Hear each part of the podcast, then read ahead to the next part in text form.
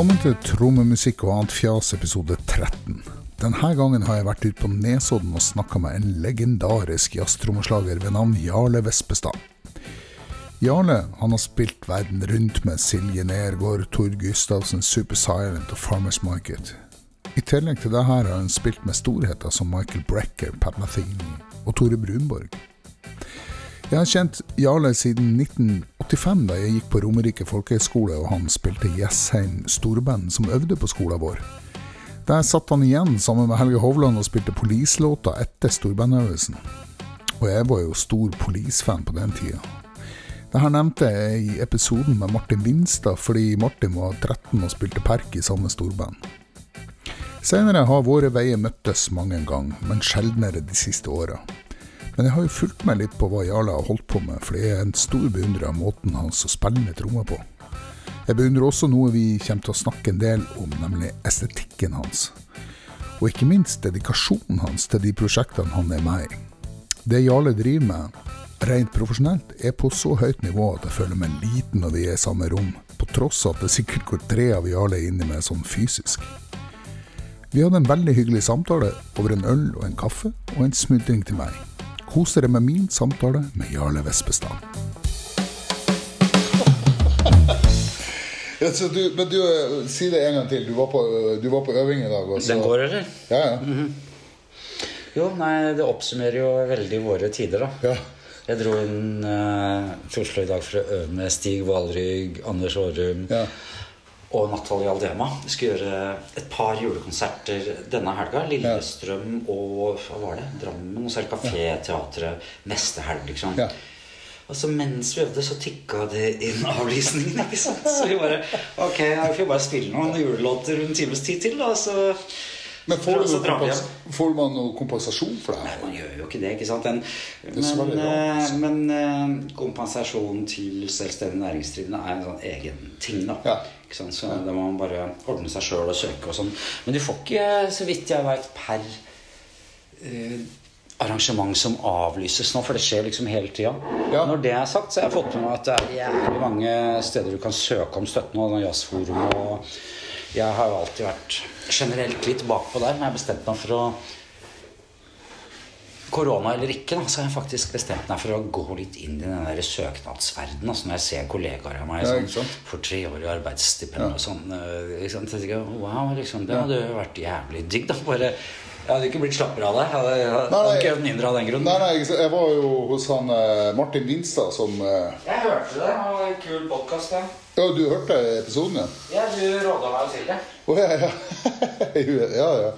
Eh, ja, nei, ikke sant. Eh, Det var, det var litt morsomt med, med han, da. For at han sendte meg sånn der, eh, en sånn CV-aktig sånn skryteliste som han sa som, Ja. du, du får bære over med skryten. Det, det er liksom den jeg pleier å sende når jeg sender søknader. Så han har jo, han har jo sånne Ja, ja. ting på Jeg, vet, jeg vet det. Jeg bare hørte Du vet, her på Nesodden så har vi holdt åpent eh, gjennom hele koronatida. Ja. Alle pubene Ja. og alle arrangementer. Bare For ei uke siden hørte jeg Hedvig Mollestad her.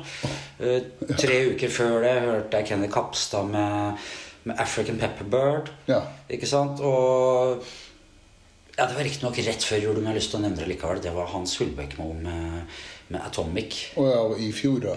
Ja. Ja, riktig. Så det har ikke noe med korona å gjøre. Men jeg Nei, vil nei, nevne det likevel. ja, ja. Utrolig bra konsert og jævlig bra trommespill. Fantastisk eh, sånn eh, old school frijazzspill. Liksom. Det er ikke så mange som har gått Det siste jeg hørte som gikk det så opp i opp i nesehåra, det var Paul Nilsen Love for mange år siden. Ja, ja, riktig. Han bor for øvrig også her nå. Du, det er utrolig renner mange på med som, hippefolk, vet du. Utrolig mange som har flytta til Nesodden. Ja, det er veldig hyggelig, altså. Veldig hyggelig. Finn bor jo også her. Finn, ja. Ja, ja, Finn og du. Morten Kvenhild Geir Digernes bor jo også her ute. Det visste ikke jeg. Ja, ja, jo. Og han ja, så, Jo, jo, altså, herregud, Geir Diggenes. Ja. Nå på- tenkte jeg på Sundstøl, ja, selvfølgelig. Ja, ja, nei, og. Geir treffer jeg jo hele tida. Ja, ja. Jeg er klar over det. Ja. Og så ja, Det er ganske mange andre kjente musikanter her òg. Altså. Anne Marie Hjorts og Eivind Aarseth. De her også? De går også her. Og Audun og Erlin har jo sommerhus, og de er jo sånn to måneder i året. De har, ikke Er sant? Sommerhuset? Ja, det er jo litt Ja. Er det ikke det? Jo, men det var sånn jeg alltid har vært her. Man bor på Grünerløkken, og så om sommeren så drar man hit. Uh, apropos litt sånn fri jeg, jeg, altså jeg, når, jeg får sånne, når jeg ber om å få sånne lister over sånne inspirasjonskilder, sånn, så, Ja. så dukker det alltid opp en, en eller noe sånt som jeg ikke har hørt om. Eller som jeg, ikke, eller som jeg kanskje tenker Eller som kanskje jeg har hørt om, men som jeg bare ikke Tenkt klarer å plassere. Mm plassere. Det er Men ikke Salif. Nei. Nei. Nei, For men han har du ikke hørt om. Hva? Skrev jeg Salif Ali der? Ja, ja, ja. Han, han er også en sånn som jeg ikke Nei, ingen har hørt om. han, vet du. Men han var jo jævlig kul. Ja, ikke sant? Han var jo helt i Det var jo ordentlig sånn Farmers Market-land. Jo, men herregud, han er gudfaren, ikke sant? Ja, ja, ja, ja, ja, ja. Vi kommer tilbake til det. Men jeg tenker på han der du snakka om litt sånn der fri Han er Jeff Watts. Jeff Watts, ja. Det var veldig kult, altså. altså. motherfucker, altså. Han Ja, fy faen. han har det der, Hva skal jeg si? Han har det der Torstein Lofthus-mosinga. Men det er akustisk jazz, liksom. Ja, ja, ja, ja. Det ganske Men det var ganske fritt, det der, de han, han, greia han blir rundere og rundere. Han, men han er jævlig rytmisk. Han er så trygg forankra rytmisk. Han, oh, ja. han spille latin og sånn. Oh, ja, er ja, perfekt, liksom. Ja. Men uh, ja, det er, det er motherfucker, altså. En av de Ja. som jeg virkelig har hørt mye på. Men det, det går helt tilbake til tidlig 90-tall, siden jeg har vært obs på han, altså. Ja, ser du det? Ja, Mm, mm. ja for dette, vi må tilbake til, til, til eh, eh, Jeg fant ut jeg, jeg sa jo i den podkasten at du var yngre enn meg, men det er du jo ikke. Vi er jo, du er meg Du er til og med eldre. Er ikke du som Finn, da? Nei, jeg er født i 66. Det jeg. Men, men jeg er i oktober, og du er og du i- April, ja. Du er april, ja. Ja. Så du er faktisk eldre enn meg. Ja, so you better listen to me, man. Men uh, jeg var jo og snakka med Torstein Ellingsen i, her om dagen. Ja, var det det? Ja, ja, og han er også 66. Han er 66 nå, vet du. Ja. Men det jeg tenkte på eh, Jeg traff jo deg på Romerike folkehøgskole. Og Mm. da var jo du mest opptatt av Stuart Copeland og Police og Ja, var det den perioden der, ja? Ja, du og Helge Hovland også, en eh, engelsk fyr Ja. Seeley heter han. Ja. Ja. Tannlegen nå. Han spiller bass fortsatt, men er tannlege. ja. Men da var du veldig der, ikke sant? Ja, jeg var jo det i en periode, liksom. Ja. Men det, er, ja. Men det var bare snakk om å få litt mengdetrening på det. Ja. Og få, det trengte ikke å bli spilt live. Det trengte bare å, å få gjort det med folk som hører. Og så rekorda på en litt sånn enkel Ja. måte. Eh, Porta-studio, ikke sant? Ja. Og så bare for å høre. Og så, ja, da var det ferdig. Nå kan jeg endelig er jeg ferdig med det derre eh, dårlig hangup, liksom. Ikke sant? Nå har jeg kommet så langt jeg vil innenfor det. Ja. Liksom. Nå ligner det nok på Stuart Copeland. Da tar jeg neste trommis, liksom. Men, men sånn. når var du inne i jazz? liksom? Når, når kom det til deg som en sånn Ja, altså La meg tenke. Jeg hørte på Buddy Rich, liksom. liksom? Ja. Men, men, sant? For, men, det, Da du var liten, liksom? Eller? Ja, jeg hørte For det, jeg så sånn der eh, trommesolo på et Frank Sinatra-show på NRK. ikke sant? Ja, ja, ja. Barnet barn bare. Oh my god, liksom. Er det mulig? ikke sant? Ja, ja, det var helt sånn. Så da prøvde jeg å få tak i noe få tak i noen bedriftsskiver og sånn, og gjorde det. Så, Ja. så hørte jeg på det. Men det var litt sånn lettere å like, for det er swingmusikk og big band og Ja. ikke sant. Men Ja. uh, hvis, hvis du kommer inn i en sånn Sånn jazz som er, som er mer sånn uh, vart for meg, enn sånn uh, overbevisningsmessig, så, så var vel det når jeg var sånn 16-17 år og hørte uh, um, Bandeapart, den andre skiva til Mascalero, den første på. SM. Jon Balke og Jon og Unn Christensen og, og Tore og Nils Petter som unge. ikke sant? Og, og det vokste jeg opp med å høre på og syntes det er helt sånn fantastic. ikke sant? Så da var jeg veldig inne i den siden der. Ja. Før det hadde jeg hørt mye Mahavishnu og Billy Cobham og sånn. Ja, så- Selvfølgelig, ja. Og så, men da begynte jeg å åpne opp for den mer abstrakte siden. Og jeg begynte forholdsvis tidlig med det. Men det her var før jeg traff deg i 85, da du 85, da, I 85 så var jeg 19 år, ja. Jo da. Så da hadde jeg hørt en del på mer, mer sånn eh, akustisk, moderne jazz. Ja. Ja. Noen år da. Det Ja. hadde jeg. Ja. Men bare aleine på gutterom på Jessheim. Var ikke i miljøet, liksom. Jeg bare, Nei. bare bada sjæl, liksom. Ja, for jeg arrangerte jo konserter med Mascolero og sånn. Ja, gjorde du det? Ja, Eh. Hvor da? I Mosjøen. Ja, jeg var i jazzklubben. Jeg var, jeg var 16 år, Og jeg fant ut den eneste måten jeg fikk gått på konsert Har du kicka står, Jon, eller? du, jeg, jeg skal si noe om det etterpå, men jeg, altså, poenget var at det var eneste grunn til at jeg, jeg, altså, jeg tok tak i han fyren som jeg visste hadde drevet en jazzklubb før. Spurte kan ikke vi starte en sånn jazzklubb, for da fikk jeg lov å komme inn og høre på konserten. For det var jo 18-årsgrense ellers, ikke sant? Ja, altså, Du var med å starte som så ung? Ja. ja, ja, ja. Og da Sånn Skjalvika? Ja, Skjalvika. ja, ja, ja. Eh, er en fin fyr. Ja. Nei, han var ikke med i, i den uh, greia der, nei. Men uh, det som var greia for meg, var jo Jon Eversen Group og Ben Patey og sånn. Kom oppover og Han er herfra, vet du. Ja, ja, ja, ikke sant? Ben Patey, ja. Ja, ja, ja, det, det stemmer, det. ja. Eh, og Lucky. Men, uh, men uh, når Masqualero kom, så var jeg helt mest opptatt av de to unge blåsere. altså Nils. Petter og Tore Brunborg. Jeg, jeg ble så fascinert av dem og skjønte ikke helt hva Jon Christensen drev med. Må jeg ærlig innrømme. Ja, som har hatt noen uh, førstemøter med noen store mestere ja, som er litt sånn, skjønner Ja. du? Liksom. Men, nå, altså, men nå er han jo Gud for meg. Ja, altså, ja, ja. altså, er det noe, hvis jeg virkelig må roe ned, sånn, så jeg på 'Belonging' eller et eller annet sånt. Ja, er bare høre på det. Det er eh, norsk kulturhistorie Ja. med Grieg, altså. Det er helt soleklart. Så det er jo eh, Men eh, det er jo litt sånn uh, morsomt å være Så jeg, jeg, var ikke helt klar for han akkurat da. Da var jeg mer på Bjørn Jensen og syntes det der trøkket han Ja, hadde var så heftig. Men så kom liksom Jon Christensen og var liksom Jeg hadde hørt så mye om han, men så syntes jeg han fisla så mye i forhold til, Ja, i forhold til det jeg hadde fått ifra. Så jeg var liksom på Jeg var ikke helt der, ikke sant. Men etter hvert så har jeg jo blitt Jeg husker der. jeg kjøpte en av de der eh, Polarities, kan det være det? Med en skive? Med, Ja, ja. det var- Det er jo Bjørn Jensen på trommer, ikke sant? Ja. Og det var første gangen jeg hørte litt sånn poppa seks åttendelsbeat som ikke var sånn Ja. Men det var sånn Det var mer den der med, med den litt sånn sexy underdelinga av ghostinga på Skype. Ja, ja, ja. Det husker jeg var første Wow, hvordan gjør han det? Hvordan greier han å lage det? Husker jeg tenkte. Første gang jeg hørte det. Ja.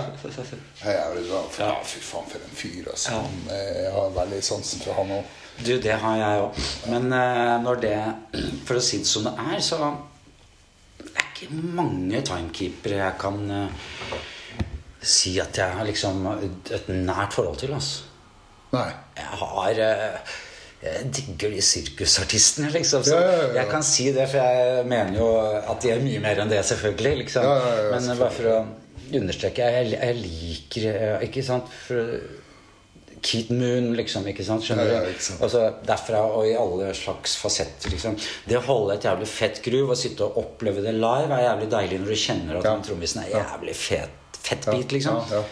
Ja, ja. Men eh, jeg har aldri orka å, å gå inn i det sjøl. Det har vært Nei. andre ting som har vært mer interessant enn det. Ja, det er veldig interessant. Men når det er sagt, så aksepterer jeg ikke ting som ikke gruver og svinger. da. Eh, Nei, ja, men, men okay. de har sin egen logikk, da, på en eller annen måte. liksom. Ja.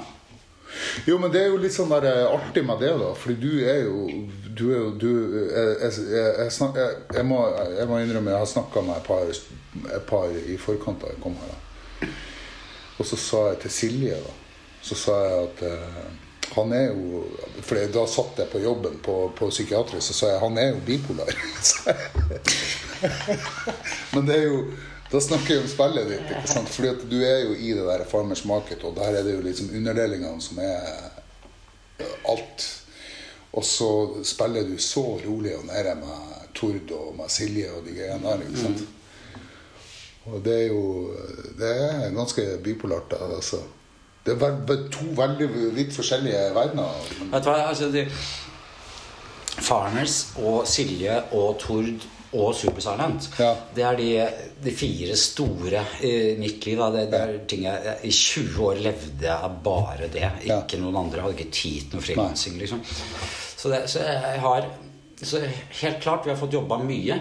Så jeg vil si at min estetikk eh, innen hvert ett av de banda er veldig klar. Jeg kan si noe om tankesettet mitt innenfor hvert av de banda, Ja. og det blander seg ikke. Nei. Eh, for da, da blir det, det blir sånn derre Og det blir for sånn derre norsk jazzmusikker som liksom, Du må skinne gjennom. Jeg, ditt jeg skal skinne gjennom uansett. Det ble litt for lettvint for meg. Jeg er helt med på det. Jeg er et barn av den tankegangen der. At uh, musikkanten er viktigere musikken. Liksom. Vi vokste litt opp sånn på jazzlinja på den tida. ikke sant? Med Sissel Endresen som vår gudmor og alt det der. Så personlighet er viktig. Det er jeg oppvokst med. Men uh, du må finne, hvis du, hvis du er så jævlig opptatt av det, så må du greie å finne det innenfor rammen av det forsvarlige. da Ja. Du kan ikke dra inn Farmers inn i Tord og sånn. Nei, nei, Det blir bare tull, liksom. Ja, ja, ja. Så du må ha clean estetikk, da. Ja. Mm. Jeg er helt enig, men, men poenget er at du, sånn at du blir så bra på det. Det er det jeg syns er rart. altså, Hvis du ser på en typisk eh, frilansmusiker da, Mhm. som leser bra noter og er veldig sånn skilled på De skjønner hva det går i og alt sånt. Det er eh, De har blitt bra på det fordi de har gjort jævlig mye. ja. Uh, altså, jeg har lært meg Hva skal jeg si, de fire retningene jeg har lært meg, da. Eh, for de har gjort det mye. Ja. Men det som er kult med det, da, er at eh, alle er i et band. Og et band lager jo sin egen virkelighet, ikke sant? Det kan bli litt Manson Family uten at noen sjekker opp det. ikke sant? Så du får jo egne løsninger. Liksom. litt sånn sekt. Ja, det kan det jo bli. Det, kan bli. Ja, det var ikke noe poeng for meg å gå den veien. Men, men ikke sant, i en frilansverden altså, er det litt mer standardiserte løsninger. Du må lære deg, du må lære deg klikk og sånn. Ja, ja, sånn ikke sant. litt mer som det og det groove og, Ja. og sånn. Da. Så, men det har jeg aldri Det kravet har jeg aldri hatt på meg, liksom. Så du skal bare Du skal få groove til å funke, men eh, det skal ikke det, Skjønner du hva jeg mener? Du har litt mer frihet til å spille på dine egne strenger, da. Ja. I, når du spiller i band, det vet jo du òg. Ja, ja. Sånn ikke sant? Mm. Det var litt bra. Eh, hun, Silje, nevnte, Silje nevnte en annen ting som, var- som jeg synes var Jeg, skjønte ikke helt hva hun snakka om, men, eh, men så, så skjønte jeg det etter hvert. da Uh, og hun sa at du kom til å skjønne med en gang. Mhm. Hvis jeg ser et sommerfuglslag. Ja, Butterfly, ja. Butterfly. ja. ja men altså, ja, jeg er vant med å jeg er vant med å jobbe med folk som ikke har studert musikk. Ja. Altså, men de mener veldig konkret hvordan det skal være. Ja. For, nei, nei, ikke sånn. Uh, uh, ikke, jeg husker hva det spesielle Jeg husker ikke hva det var, liksom. Nei. Altså, det er bare mer sånn butterfly, sa Silje, liksom. Ja. Og så viste det seg at hun var ikke fornøyd før jeg gjorde sånn rim nok. Sånn, den der. Ja. Altså, altså, jeg har Grunnen til at hun husker det, er for vi lo jævlig ute, for jeg kritiserte billedbruken hennes. da Eh, Butterfly, er ikke det litt mer symbol? Og litt sånn, liksom. We need to talk, liksom. ja, nei, det, er sånn hundeinformasjon, da. ja, ja, hun sa det. Hun sa at hun, Det, det er er sånn informasjon, men det er helt, veldig konkret. Det er sånn, eh, Hvis det er en feil tone i forhold til hva hun har, ha, så er det med en gang. liksom, ikke. Ja, men derfor var hun egentlig Hun sa at hun var ufattelig glad i det, da, fordi at fordi at dere snakker det språket der som dere har laga. Det er litt sånn som det er Jo, kan du si, men der, har du det igjen. Altså, hvis du jobber mye med et band, sånn som vi har fått mulighet med De fire bandene har sånn dritmye liksom, i mange år. Så da, da blir det jo litt sånn eh, ikke sant? Så at en får en egen sjargong. Forstår man, ikke sant? Ja. Du og Finn eh, snakka om eh, eh, Snakka om eh, disiplinen din og, og øve, øvinga di da du gikk på, på, oppe i Trondheim. Han sa han kunne komme en morgen forbi et sånt rom som du hadde bare Du hadde bare okkupert det. og så satt du der og øvde på, på én ting på et symbol. En, en raid-figur. Så kom han fire timer seinere, og så satt du og drev med akkurat det samme. Ja, det, det Ikke sant? Ja. Det var, jeg øvde jævlig mye, og så jeg prøvde å systematisere det. sånn. Så at eh, jeg hadde sånn opplegg Jeg husker jeg hadde Det ble litt for ambisiøst, for det tok eh, Uten pauser eh, så tok det så nesten seks timer å spille gjennom alle øvelsene med det. Ja, med den tida jeg hadde gitt per øvelse. Det, Men det var jævlig effektive greier. For at det var sånn ikke sant? Nå er det, sånn der, nå er det litt sånn blasting-teknikk jeg skal øve på. Ja. Og da, da skal du ikke, den økta skal ikke være for lang, liksom, så at du får maks fokus på det. Ja. Og da trenger du noe litt mer sånn muskelavslappende øvelser etterpå. Men det kan være brainy, liksom. Så det kan være sånn avansert independence, da. Så de pleide ofte å plassere etter hverandre, liksom.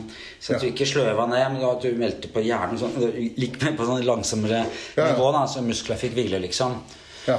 Og så var det sånn, og Jeg husker ikke helt hvordan det var, men det var veldig sånn der, eh, strukturert. da. Men det var ikke sånn jeg holdt på i alle år. altså. Nei, det var kanskje men- på det verste, liksom. Men det her var før han egentlig kjente det. Ja, men så Jeg begynte på jazzlinja når jeg var 21 eller 22. Og så da, mens de yngste var 18, og sånn, så jeg følte litt på det. At jeg måtte ta igjen litt. Da, så jeg, jeg la inn støtet. Du, eh, nå kom jeg på en ting. Som jeg nevnte i, i Martin-episoden. Husker du den der Dave Weckel-konserten? Ja, du, du nevnte jo det. Jeg Ja. hørte på det. Jo, jeg husker godt den. Ja, stemmer det. For jeg syns liksom Jeg, jeg, jeg, jeg, tror jeg har snakka med deg om det før. For jeg var så utrolig skuffa over den konserten. Men Ja, har du det hørte jeg du sa til Martin, for du likte mer Steve Gadd sine løsninger. Ja, ikke sant? Og der er jo vi motsatt, da. Sånn sett. Vel, nå må, må det egentlig sant sies at uh, jeg har aldri vært noe fan av Dave Eckel. Jeg, jeg, jeg har alltid egentlig følt kunne- Ikke sånn Die Hard-fan, men for jeg, eh, jeg har alltid stått på den andre sida, på den litt mer møkkete sida. Mine helter er mye mer sånn de er råere og styggere, liksom. Alltid. Ja. Ja. Men jeg likte at det, at det var så utrolig imponerende bra og sånn, liksom. Så det var i den alderen jeg var veldig ung når det kom, og så det var fascinerende, liksom. Men var det akkurat da du skulle opp til Trondheim? Ja, Hvilke år var det? Jeg begynte i 88. Ja, det var, jeg tror det var i 88 eller 89. Det kan stemme, for jeg tror vi dro fra Tonheim for det er ikke året før. Så for å se den konserten på Sardin, så var det ikke på Sardin? Ja, ja. jo, det stemmer. Da var det 87, tror jeg. Ja, nettopp. Eller 88. Men jeg, jeg syns jeg husker at du hadde kommet inn eller noe sånt på Ja, ja, jo. Det får man jo vite om litt før, sånn rundt påsketider. ikke sant? Men Så du gikk litt eh, Du gikk eh, to år før Finn, du, eller? Finn gikk i klassen min, han. Han gjorde det? Ja, ja. Ja. Ok. Ja, det var, det var han eh, Stian som kanskje Stian kom et par-tre år etter oss, Ja, tror jeg. Jeg husker ikke helt rekkefølgen. For at det, det endte liksom med at det ble en sånn stor gjeng med Kristian Vollemrød, Per Oddvar Johansen og Trygve Seim, og alle var der, liksom. De, oh, ja. Og Trygve samtidig. der også? Ja, ja, ja. Oh, ja. Det var en veldig fin tid. altså Elbjørg Raknes og. Håvard Lund. Og det var Ja. sånn skikkelig og bekjente folk i dag som Ja, ja, ja. eh, Som gikk samtidig. ikke sant? Mm. Men akkurat da var jo den, den linja veldig hot, da. På den tida der. Ja, den, det var- er fortsatt veldig attraktiv. Og Ja, det ja. er utvida veldig. Det går mange flere folk der nå. Ja. Så det, det er litt, litt flaut, dette, for at jeg, når jeg drar og hører på jazzkonserter først og fremst her på Nesodden, for det er jævlig bra programkomité. Så det er bare de beste, mest moderne banda som spiller her. Liksom. Ja. Ja. Så det er sånn masse yngre folk som jeg bare så vidt jeg har hørt navnet på, Synes som spiller som et helvete, ikke sant. Så det er farlige tider, Jon. Ja, ja, ja, ikke sant?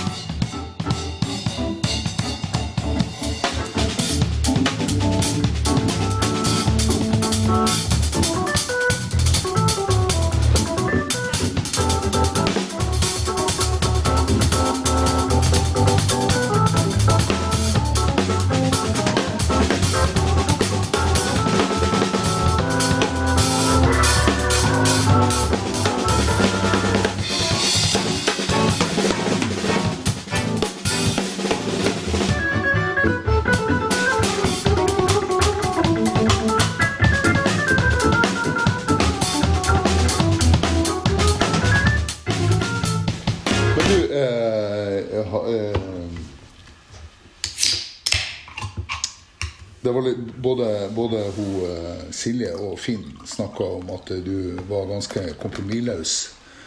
Eh, sånn eh, Og eh, du sa alltid fra. Eller du sier alltid fra. Eh, vel, ja. Sånn, Det er liksom aldri noe og, for, å på en måte beskrive det, så, så nevnte Finn en story fra Moldejazz. Gjorde det? Ja. Ja, du husker ikke det? Nei, det har vært mange. Jeg har sagt det mange ganger, så jeg er enig i det du sier. Ja, det var eh, Michael Brecker som ville ha det til å spille litt mer som som en eller annen Jack DiJohnette eller et eller annet sånt. Sånn, sånn spilte han også.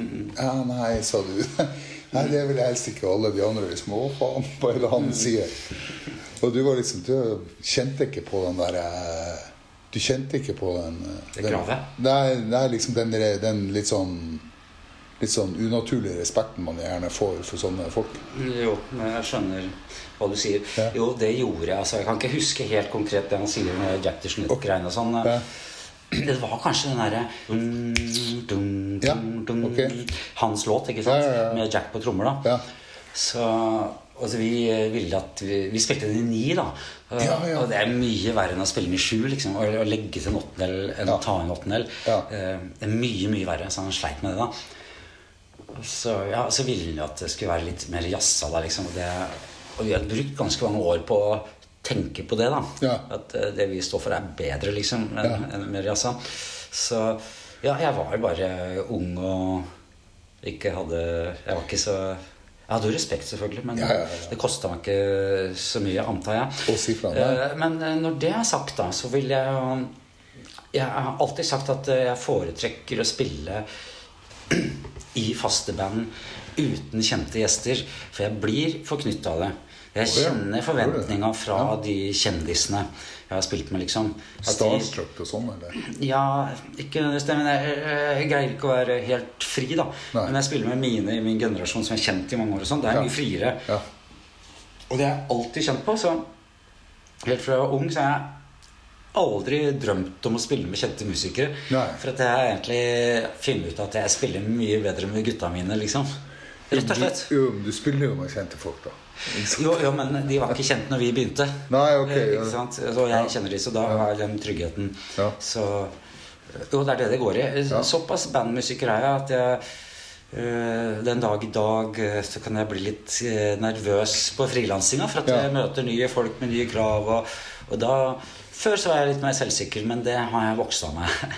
Ja, så, så nå koster det meg ganske mye å Du har vokst fri- selvtilliten. Det er sterkt. ja, jeg vil nesten si det sånn. Ja. Jeg var Jeg kanskje i overkant eh, selvsikker før. Og, sånn, så, så nå, nå tror jeg kanskje min selvsikkerhet uh, reflekterer mer virkeligheten, da. Ok, ja. ja. Men du, du er veldig sånn til å, å spille for låta. Jeg Syns jeg sjøl også når jeg hører på deg. At du, du Det er liksom ikke deg i fokus. Det er på en måte låta og musikken og de du spiller med. Jo, men det gjelder vel oss alle, går ut fra. Ja. Ellers så overlever du ikke så lenge, liksom. Mm. Men hvis det er en låt der, må du si, for det, da eh, Det er klart, sånn som eh, ja, Det må egentlig nesten bare være Silje, i min erfaring, da, hvor det har vært litt sånn metronomer og litt sånn oh, ja. Det nærmeste jeg har kommet pop, da, etter hvert. Det begynte jo med en slags jazz og endte med en slags pop, ikke sant? Så Alle de andre bandene mine har hatt mindre krav, da. Ja. Til både time og, og, og spille for låta. For det, det har kanskje vært mer forventa at låta er mer en ramme. At det, at det er mer sånn jazzmusikerinnstilling. At det, resten skal du skape. Ikke sant? Ja. Mm. Men eh, så ja, hvis det først er en låt, så må man selvfølgelig prøve å serve det komponerte. Ja. Selvfølgelig må man det. Mm. Men hun, Silje nevnte en gang at eh, hun ble så imponert over for at du, du sleip med en låt i Rainbow Studio. Litt sånn, som var litt for poppa, litt for funky og sånn. For din stil, liksom. Mm, Ja, det kan Og så kom Torstein eh, Lofthus bare inn med et par trommestikker i baklomma, og så satte du han bak trommesettet og gikk inn i kontrollrommet og satt 'Faen, det er bra!' Ikke sant? Jo, det stemmer. det, for Torstein var jo min Ja. eh, faste vikar på den tida. For det var mye jobb med, med alle de banda bandene mine. Så Ja. Cecilie hadde alltid en innøvd kar for meg. Ja. Først var det Thomas Strøen de første åra, og så ble det Torstein etter hvert når vi utvikla oss i en litt mer Ja. poppa retning. Ja. Så da også, han har spilt såpass mange konserter, for jeg var mye opptatt med Superstar and Farmers og Tord. Ja. Så, så um, han hadde liksom en naturlig del i bandet. Ja. Og, og de mest poppa låtene, de, de spiller jo han mye bedre enn meg. Liksom. Det er mer hans uh, heritage, da, kan Ja, du si. ja. Så det er en som heter When Judy Falls. Jeg husker ikke Stemmer. hvilken ski det er, men bare søk opp den låta. Derfor hører jeg fantastisk trommespill av Torstein. Atter Ja, ja. ikke sant? Ja, men det er så kult, ikke sant? Det er jo litt sånn uh, Da kjenner du jo din egen begrensning også, og det er jo en styrke. Ikke sant? Eh, Jo, kanskje det er det. Det er 100 Jeg vet ikke. ja, ja, ja.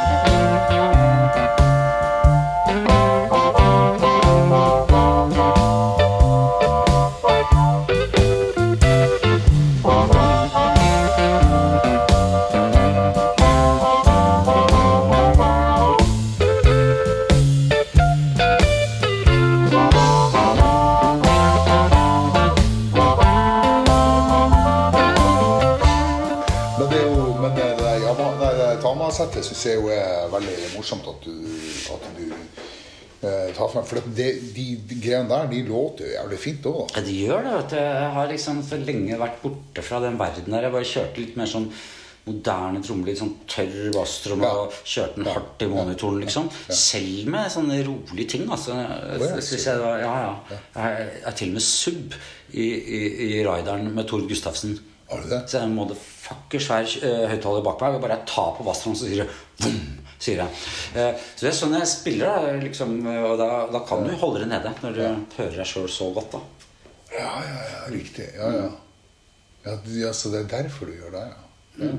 Selvfølgelig. Og så har vi alltid med fast lydmann eller lyddame som jobber veldig tight. Så jeg vet at selv om jeg bare drar fingeren over et slitt skarptrommeskitt, så høres det i en sal med 1500 mennesker, liksom. Ikke sant? Ja, ellers hadde jeg ikke turt å gått for de ideene der, ikke sant. Nei, ja. Men du har jo vært en del i New York og spilt med Tord og sånn, ikke? Jo, jeg har vært der med alle mine band, egentlig. Ja, ok, ja. Ganske sånn minst en gang i året. Ja. Min siste eh, overseas-reise var jo nå i februar, rett før Ja. koronaen. Da var vi ja, et par-tre uker i Amerika. Ja. En uke på samme sted i Davis, California, utenfor Sacramento. Så det er nice. Ikke sant? Så, så Sånn er det, det. gjør vi. Ja, sånn Annethvert år turnerer vi hele vestkysten og opp til Seattle og opp til Canada. Og så noen på østkysten, så alltid New York, og nå var det Detroit og, sånn, altså, og Chicago. Det, Jeg så jo noe, jeg så jo noe et sånn uh, uh, Det tror jeg faktisk jeg så direkte. Ble sendt på Det var et sånt radiostudio dere var og spilte i. Som ble sendt på Eh, det, det var i New York. Ja, det var jævlig kult, da. Det, Det er jævlig morsomt. ja, det, det gjør vi Ja, det har vi gjort før. Samme Ja. studio. På? Det, som regel er det på turné i Amerika, så er det for at vi har en skive. ikke sant? Sånn Ja. Cirka annethvert år. Ja. Og da er vi alltid innom radioer og sånn, da. Men hva, hva eh, finner du av eh, Hva får du av stæsj og sånn der? Hva har du med deg, forresten? Jeg har med cymbaler og stikker. Ja. Men egentlig det viktigste for meg etter hvert er å ha med en del forskjellige stikker. Ja. De trenger ikke være så veldig forskjellige, bare de er lette og store med stor tupp. Ja. For da kan jeg få en sånn myk, fin lyd i hva som helst av symboler, liksom. Ja. Ikke sant?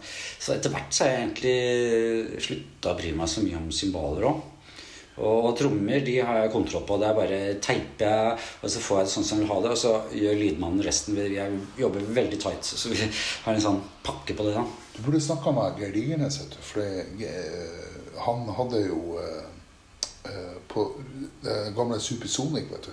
Ja, ja. Så hadde de Kjøpte jo- et par Artstar eh, Ett Artstar-sett av han der. ja. Nettopp. Men der hadde de jo de der stikkene som heter percussion. Ja, De spilte jeg med 2B fordi Audun Kleive gjorde det. ja, nettopp. Men de er jo litt sånn. De er tunge, store, men de er lette. Nettopp. Og så har de en Det jeg sånn snakker om nå, er eh, tatt det enda lenger nå. Å ja. Fins det? Hva, hva er det? Det er maple? Ja, nei, ja, eh, det er for eksempel det derre den der ST1 Junior, oh, ja. de som er rød. Ok, Er det en, en større variant av ST2? En mindre variant, på en måte. Oh, ja. ja. Så veldig sånn lett og spredt treverk, liksom. Så Ja. stor tupp, ikke sant. Ja. Mm. Ok. Det her er interessant. eh. Jeg har en del sånne, sånne sonorstikker som er ment til skarptrom sånn, men de, de er fantastiske på det, men eh, de låter ikke bra på symbol. Nei, riktig. Ja. Ja. De greiene der. Å, oh, Men de er dritbra på, på skarptrommet, da. Å ja, sånn, ja. Men de hadde jo veldig sånn stor eh, Ja. Å, steike ta. Det her er jo faen meg tømmerstokker.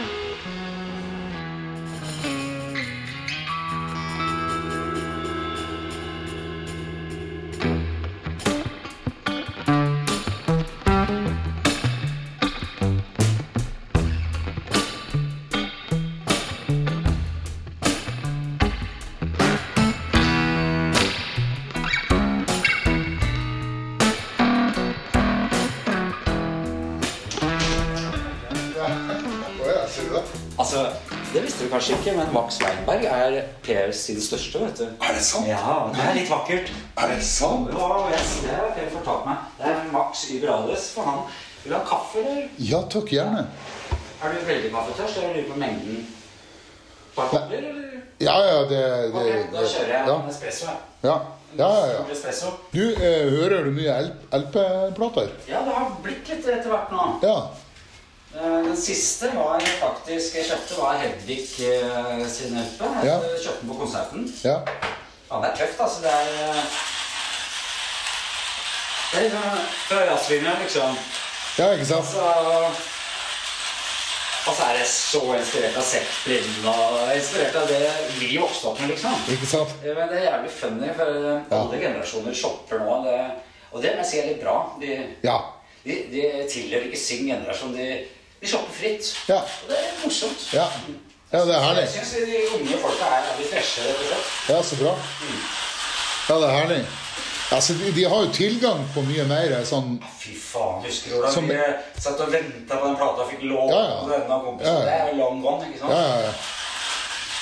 Altså, jeg gikk jo rundt og, og hørte på en kassett som jeg i ettertid har skjønt var eh, øh, Åh, og så plutselig King Crimson. Ja.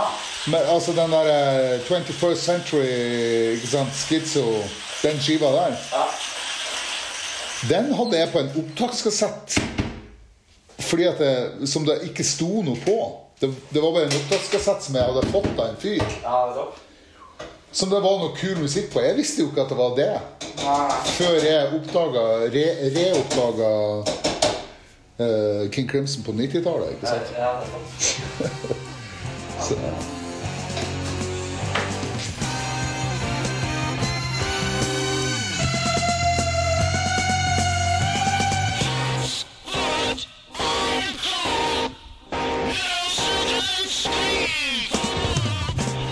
hører vi eh, 21st Century Schizoid Man fra plata In the Court of the Crimson King av bandet King Crimson.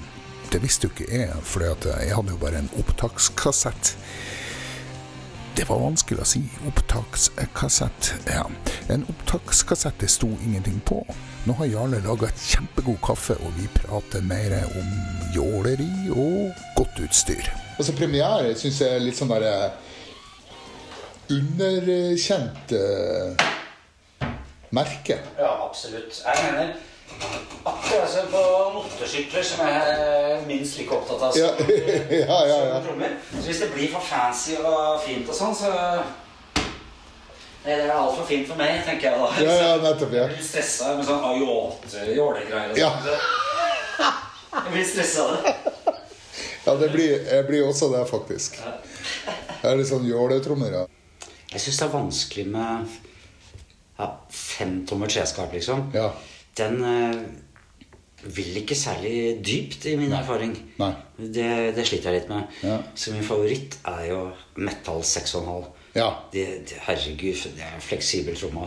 Jeg har jo det. Jeg har jo en, mest fleksible jeg har en Suprafonic. Sånn, hva er det du har? Du bruker den der eh, Har du en eh, Tama-skap? er- Nei, det er en Ludvig eh, 6,5 jeg har. Sånn, eh, Ja, Suprafonic. vet ikke hva den heter. det er Sånn Ja, messing det, er- det er sikkert den. den ja. Kjøpte jeg den Ja. Fikk den av eh, Geir Diggernes når jeg fikk eh, Ludvig-spons. Ja, det, jeg fikk jo Ludvig-spons en gang i tida. Det ja. ut. Det er så bra. Ja, du gjorde det, ja. For Ja. det syns jeg husker du drev og spilte på Ludvig. Ja. Ja, Skal jeg vise deg et bilde. Ja, det er nettopp det. er Akkurat det jeg syns jeg har sett bildet. Ja. Jo da, det Men det var gjennom Slagerforlaget, det, eller? stemmer, det. Ja.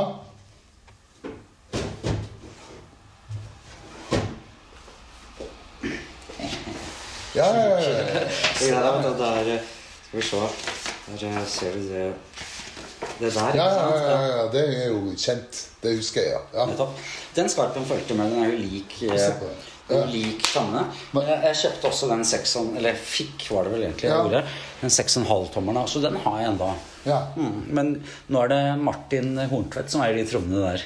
Å, er det det? Ja, hele settet. Det var sånn, sånn full Ja. To basstrommer og alle tangene, liksom. Martin Horntvedt, altså. Det han er en luring, altså. Ja, det er en luring. Dæven steike.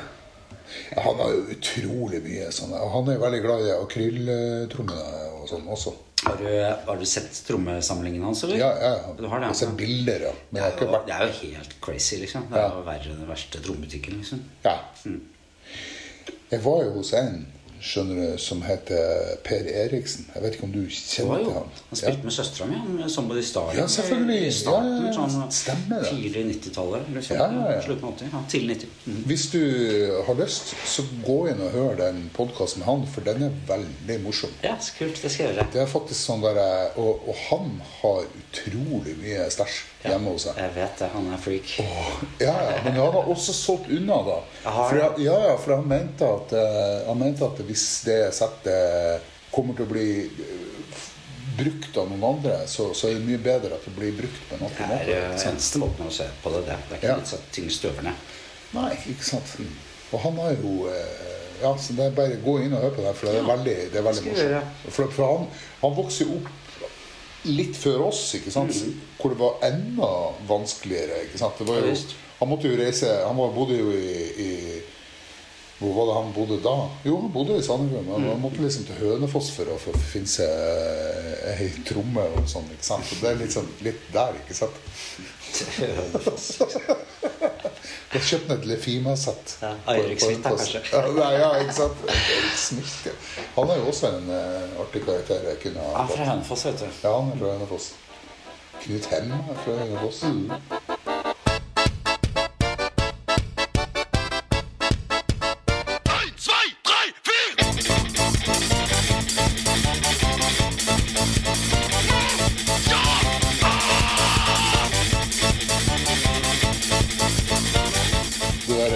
Farmers Market er jo, er jo noe for seg sjøl.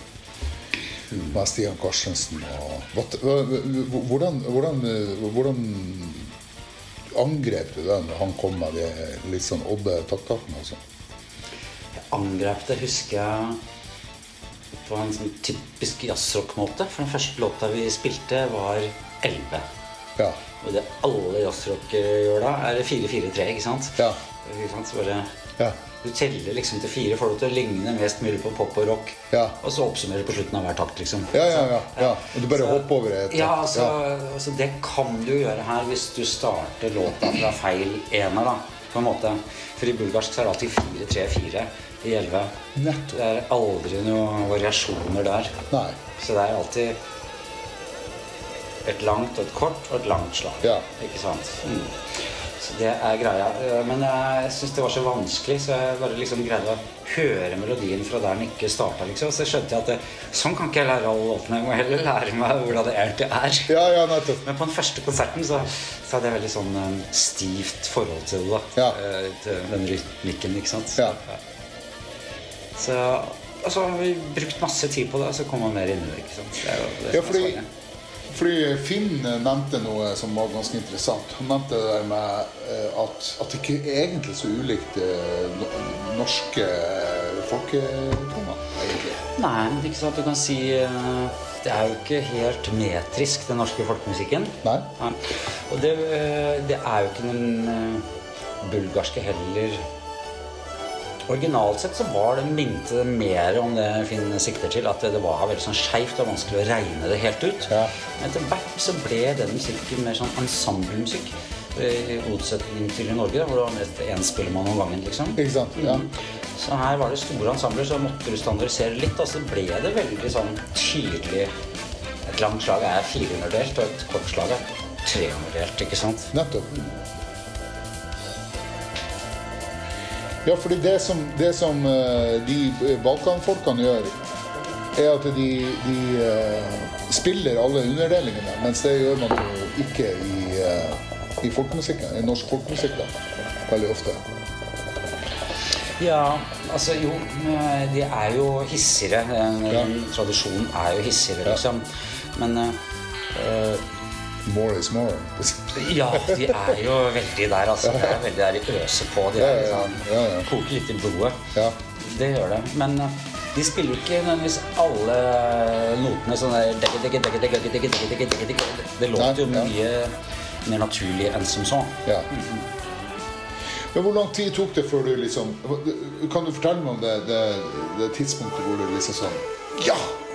Altså sånn den, den et sånt der Et sånt lys Du har helt sikkert et sånt moment hvor du skjønte Nei, jeg, jeg vet ikke om det er så tydelig moment, for at det, det, det var sånn ikke sant?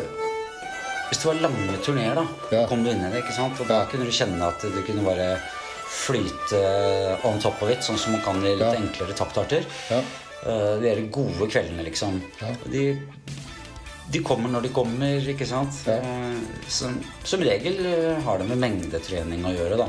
Ja. Og nå er det jo tre og et halvt år siden vi har spilt vår siste konsert, så hvis jeg skulle hoppa rett på det nå, så ville jeg sittet veldig langt bak. Så jeg opplever det som litt ferskvare, de greiene der, i og med at vi Ja. ikke er født med det. Det er ikke, ikke noe, det er ikke helt naturlig for oss. ikke sant? Men var det naturlig for Stian, liksom? De Ja, mer enn for oss, virker det som. Mhm, det er kanskje mer sånn han er. Han ble mye mer fascinert av oss. Han Ja. lærte seg alle tradisjoner fra alle regioner i Bulgaria. Lærte seg språk. Og, så han gikk jo definitivt mye lenger inn i det enn oss. Men var det sånn at han var veldig tålmodig med dere og ga dere tid til å og på en måte Jeg kan jo si i den grad det går an å bruke ordet tålmodighet med Stian, liksom. Det er der det hele starter eller stopper, liksom. Ja. Så, ja. Mm. Nei, da, det, men det har vært en veldig god pisk å være under det. Han krever jo Han krever jo mye, liksom. Mm. Og han forstår ting veldig fort. Og, og litt rastløsende hvis folk lærer for tregt. Da, da, Ja, da kjenner du det. Da er det bare å Ja, steppe det, opp. jeg, jeg har en sånn følelse at Finn kjente litt på det der greiene der. At han, han, han Men ikke sant?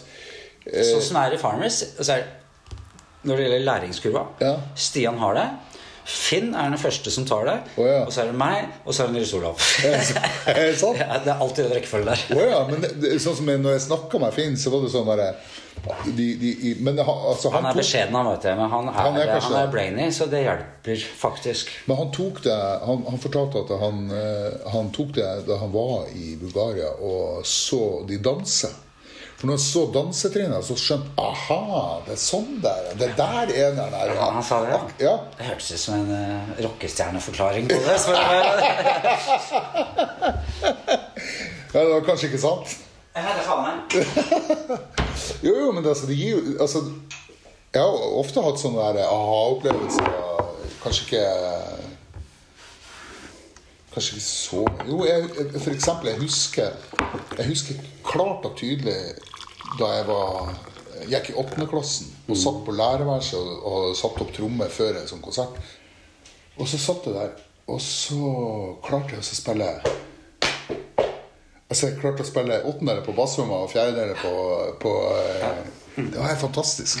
Den der feelingen jeg, jeg fikk da jeg satt der Jeg husker hvor, hvilken vei jeg Ja. satt, og hvilken farge det var på trommesettet og alt. Jo da, jeg har de, de greiene der, ja. Husker jeg fikk låne trommesett før jeg fikk mitt eget, liksom. Ja. Og den eneste rytmen jeg kunne, var ikke sant? Og så ble jeg lei av det etter hvert, og så, så drev jeg liksom følte bare klisj, clash, bong, bong ah, Nå er det nok. Bong, bong, bong, bong. Men det var, jeg, jeg følte jeg lagde musikk, da. Ja, ja, ja. Ikke sant? Mm. Ja, fantastisk. Faen,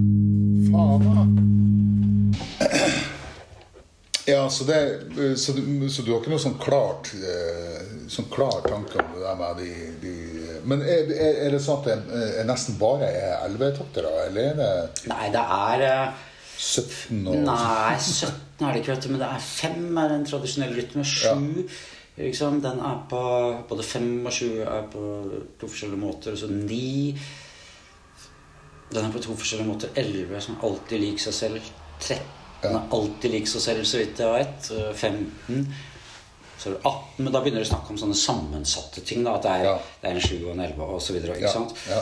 Men én takt med det og én takt med annenhver gang. Uh, spesifikt inndelt, da, selvfølgelig. Ja, så du har f.eks. En, en elver som består av 4, 3, 4 pluss eh, en skal vi se, hva, hva blir 11 Sju, det blir jo 18, ikke sant? Du kan jo si at det er 9 hvis du tenker halvtempo. Ja, ja. Og da blir det bare som sånn klave, liksom. Men Ja. hvis du tenker eh, en 18, sånn som vi pleier å spille, er sånn 1, 2, 3, 1, 2, 3, 4, 1, 2, 3, 4, 1, 2, 3, 1, 2, 3, 4.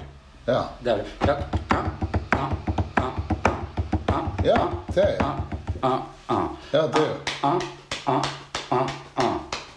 Og det, og det er ni da, hvis du bare holder den. liksom Ja. Det er lettere. Da blir det mer sånn groovy og jazzrock, for det ligner mer på to og fire. hvis du skjønner Ja, riktig. Mm. Så det er mange måter å løse det på. Men det, hvis du skal ha til å låte tradisjonelt, så må du ha eneren hver gang. Det skal låte litt sånn bikkjete og på. Ja, liksom. på, ja. men, men ikke stressende. Du skal, ha, du skal ha roen på det, altså, selv om det går fort. liksom Ja, for det, det var jo det når jeg så han der eh, Salif Ali. Ja. Han var jo så utrolig rolig på, på, de, på, Ja, på det som bare helt- låt helt uh, Helt mitraljøse. Ja. Så, så ser jo han bare overkul ut. Men sånn har han holdt på fra han kunne gå, ikke sant? Det er, Ikke sant, ja. det er sånn sigøynere lærer å spille, liksom. Ja. Ja, veldig kult, uh, veldig kult å høre på det der greiene Ja, der. ja, altså. det er bra, det. Faen, Fyren der er jo en uh, Ja. Hva slags symboler du liker å bruke, du, da? Altså, nå har jeg solgt unna jævlig mye i det siste. Og så sitter jeg med sånn fem-seks rider og sånn. Eh, noe er en som er altfor hard. Den skal jeg bare selge. En sånn Istanbul-greie. Ja, ja, de gamle Istanbul Ja, det er en knallhard liksom. De fleste er jo litt sånn, sånn, sånn dirty og åpnere, liksom. Jeg Ja. har flere av de òg. Så Men egentlig så har jeg lyst på nye symboler med litt mer eh, metallisk Litt mer attakk, faktisk. Jeg har alltid spilt på ekstremt myke symboler. Ja. Litt for washy, så nå er jeg litt lei av det. Så jeg har lyst på noen som låter litt hardere, men eh, jeg er ganske allergisk mot harde symboler. Da skal de låte jævlig bra. altså. Faktisk så har jeg lyst på en 22-tommer 2002. Sånn Al Foster-greier, liksom. Det på. Bruke hvis det jazz, hadde- liksom. Hvis du hadde funnet en sånn, eh, sånn gammel eh, sånn black label eh, Nei, sånn- Redd. Det må være den derre oh, det. klassiske ja, Ja, ja. men den er jo veldig pingete, da. ja, den er det. Men jeg har lyst til å få til, fordi Al Foster har jo spilt så vakkert på det. Ja, ja, nettopp. Al Foster, hvor faen var det så hva En av mine største favoritter. vet du. Ja, ja, men hva var det Hvor var det jeg så han Er det det, ja? Ja, det er det han gjorde med Miles Davis på 70-tallet. det der- De Jo, jo, jo. der, det der slafsehaeten der, liksom. Sjekk ut eh, 1973 live eh, fra Stockholm. eh, Miles Davis-bandet med Al Foster på trommer. Det var rett på den der haeten, liksom. Ja, ja, ja. Det Helt vilt. Og så er det Dave Liebman som jeg recorda og turnert masse med på saksofon. Å ja, se da. Ja. Ja, for det eh, oh, ja. Så du har på en måte vært i nærheten av Av Miles-bandet? Ja, Miles-bandet. Ja. Jeg har i hvert fall eh, gjort flere skiver og mange flere turnerer med, med Dave Liebman. Ja. Wow. I Norge og USA.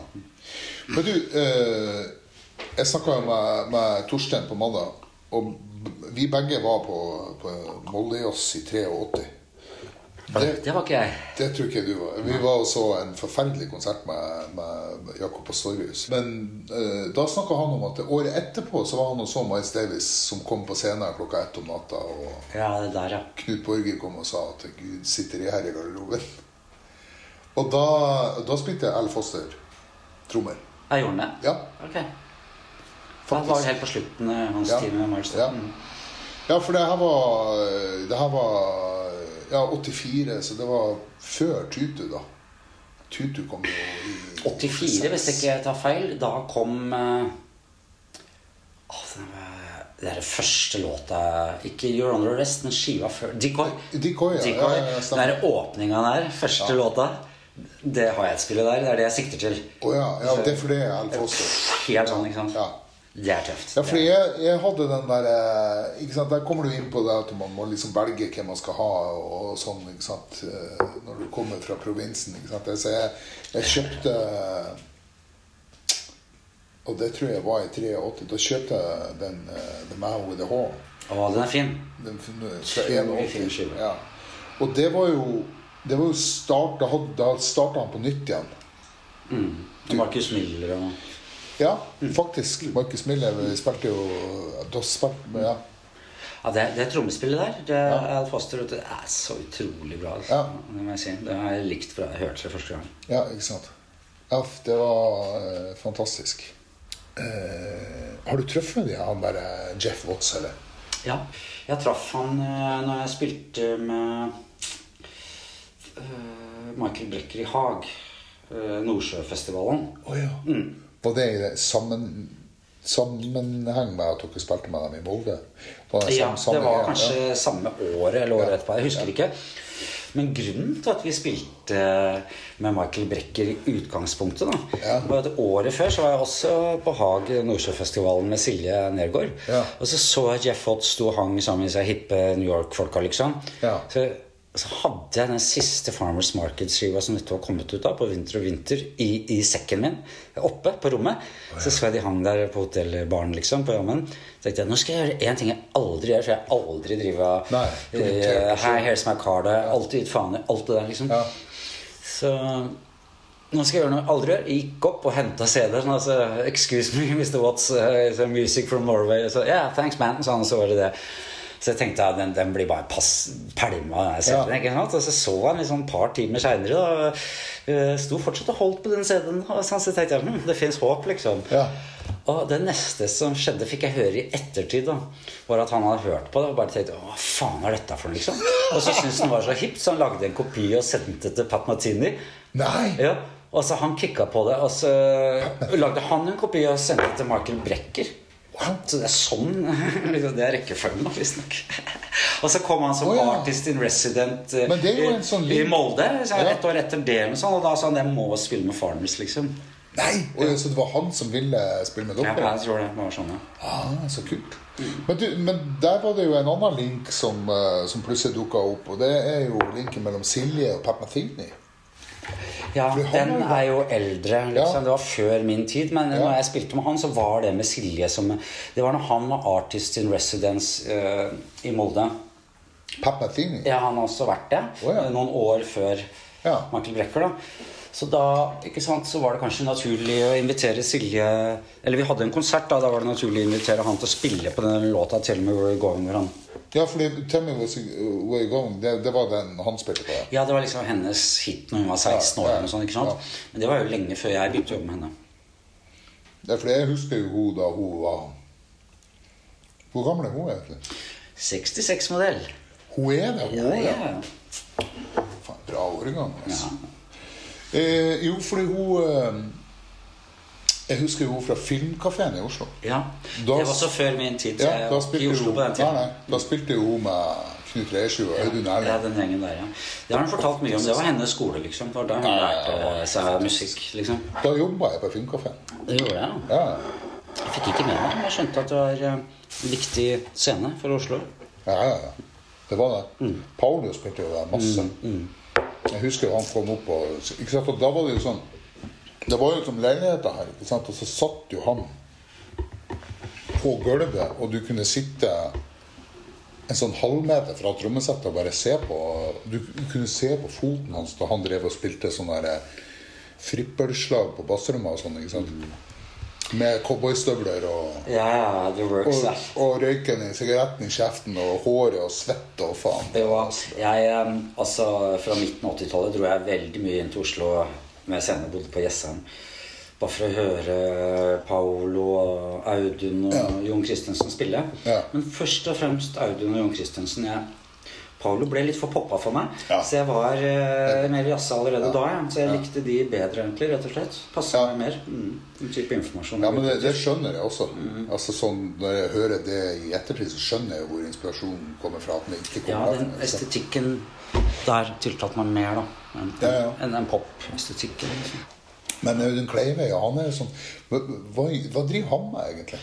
Han, eh, han bor på Gjøvik og, Ja. og er gift der oppe og jobber med sine ting som han egentlig alltid har gjort. Ikke sant? Veldig, veldig opptatt av detaljer i studio. Veldig opptatt av musikk, rett og slett. På en sånn veldig personlig måte. ikke sant? Mm. Jeg, jeg husker jo han Jeg så han Hvor var det? Jazz Alive. Ja. i, Mm. eh, Jeg rakk aldri det. Jeg. Var aldri der. Du var aldri Nei. der? Nei. Nei, jeg var der et par ganger. Og så var jeg til og med på Men fordi jeg hadde jo ei søster som bodde i Oslo, så da jeg var 15, 16 og 17, så var jo jeg på påskeferie i Oslo Ja, til søstera mi, og hun dro med meg på sånne jazzklubber. Så jeg var jo og så Paolo på, med Håkon Graff-trio. Med Håkon Graff og en pur ung Øyvind Madsen Ja, som spilte eh, Og da spilte Paolo på Da hadde han akkurat begynt å selge unna trommer, så han var en skarptromme, en basstromme, en high-hat og to China-cymbaler. Ja, ja, ja, ja. Så Det er sånn oppsett jeg spiller med for tida. da. Oh, ja. Ja, med Tord og liksom. Her, har, eh. Som regel har jeg, har jeg jeg bass, skarp, hi-hat, ett cymbal, et ride og en gulvtann. Ja. Men så har du kanskje sånn minst to mikker per dings, da. Så det er sånn tolv mikker på det settet, liksom. Og Blant annet close-snikra cymbal og sånn. Under Ja. så er det sånn tegn, da kan jeg bare bruke hånda som klubbe, så Wow, sier hele lokalet, liksom. ja så tøft. Mm, Sånne ting, da. Så vi Men da jobber du med mest ut av da jobber, da. da jobber du med lydmannen, da? Ja, som jeg sier, vi har Ja. alltid fast lydmann. Og det er eh, liksom alle, har ikke reist uten fast lydmann. Ja, kan ikke huske at jeg har gjort det ever. Så, så hvis du gjør det der, så drar han opp Ja, selvfølgelig, det er tegnet, liksom. Mm. Men, men ellers så drar han den ned? det- ja, og da er det sånn eh, hvis, Når den er så høyt på, da kan ikke jeg Spille- plutselig smelle til på en stikke. Nei. Det jeg kan gjøre, det er å sette tuppen og få en sånn der Ja. ut som bare Ja. fyller rommet totalt. Så, så høyt mikka er det, da. Ja, og da må du gjøre det vi er blitt enige om. Ikke noe annet. Ellers så blir det katastrofe. ikke sant? Men når du øver på sånne ting Det øver man selvfølgelig ikke på. Nei, nei, men altså når du, når du på en måte Du må jo ha en idé om hva du skal gjøre. Ja, det har kommet opp over mange år med liksom, sånn Altså, jeg har gjort over 1000 konserter bare med Tor Gustavsen Trio, liksom. Ja. Og så mange hundre i tillegg med han med Silje, ikke sant. Så det, Ja. Og alltid fast lydmann. Så det er klart du får muligheten til å sjekke ut ting time etter time, liksom. Ja. År etter år. Ja. Mm. Så det, det har bare blitt sånn mer og mer tight. Og alle lydmennene har trommenøkkel. De bare går og tuner om trommene. Så det er en deal vi har eh, hvis det ikke låter. Først og fremst underskinna. Uh, eh, sånn fordi de hører med en gang at eh, sant? Du, Det er bare å sette en hånd på frontskinnet, presse skinnet inn, så hører du om det blir mer uh, substance i basstrommet Ja, ja, ja. en gang. Og da er det bare opp og skru. Så det hører jo lydmannen like godt som oss, og vi vet at det er det samme, liksom. ja. Så, så hvis det er dårlig Hvis det ikke er changeover, ikke lydsjukse, så da tar lydmannen seg av det. da liksom. Men jeg må først opp og teipe og, og liksom og Ja. gjøre det sånn som jeg vil ha det. Altså, så, Ja. så tar den lydmannen over, da. Og det funker som faen. Ja, fordi du kom jo her med de her stikkene her, altså, fordi nå er jo dette tilnærmet radio. Eh, så altså disse stikkene er, ser ut som 1B. Altså Nei, du kjenner jo hvor lette de er. ikke Ja, sant? det er tømmerstokker, men de er like lette som 5A, liksom. Ja, mye lettere, vil jeg si. Og kjenn kjenn hvor lett den tuppen er. Ja. Ikke sant? Den, eh, Ja. De er veldig baktunge. Så dette er sånn som de de skotske marchingbandene som bruker, ikke sant? Ja. Akkurat det. Ja, for at jeg, tenker, når du har sånne, og så har du liksom Hvor mange forskjellige typer altså stikker eh, har du med på en, en tur med Tord Gustavsen? Ja, altså, trenger ikke være så veldig mye, men de må være store og porøse og lette, hvis du skjønner. Det er det, men med andre det, Med Farmers er det så deilig, for da trenger jeg ikke å ha med det klubber og visper og sånn. Du bare tar en neve med fem B, putter oppi bagen, og så drar du, ikke sant? Så knekker du en, så hiver du den, så det er, det er ikke så nøye hva du slår med, liksom. Det skal bare kutte gjennom uansett. Ja. Det må jeg si er veldig deilig. Uh, slippe å tenke på lydforming i så stor grad, da. Ja, ja, ja. Ja, ja. ja, det vil jeg si.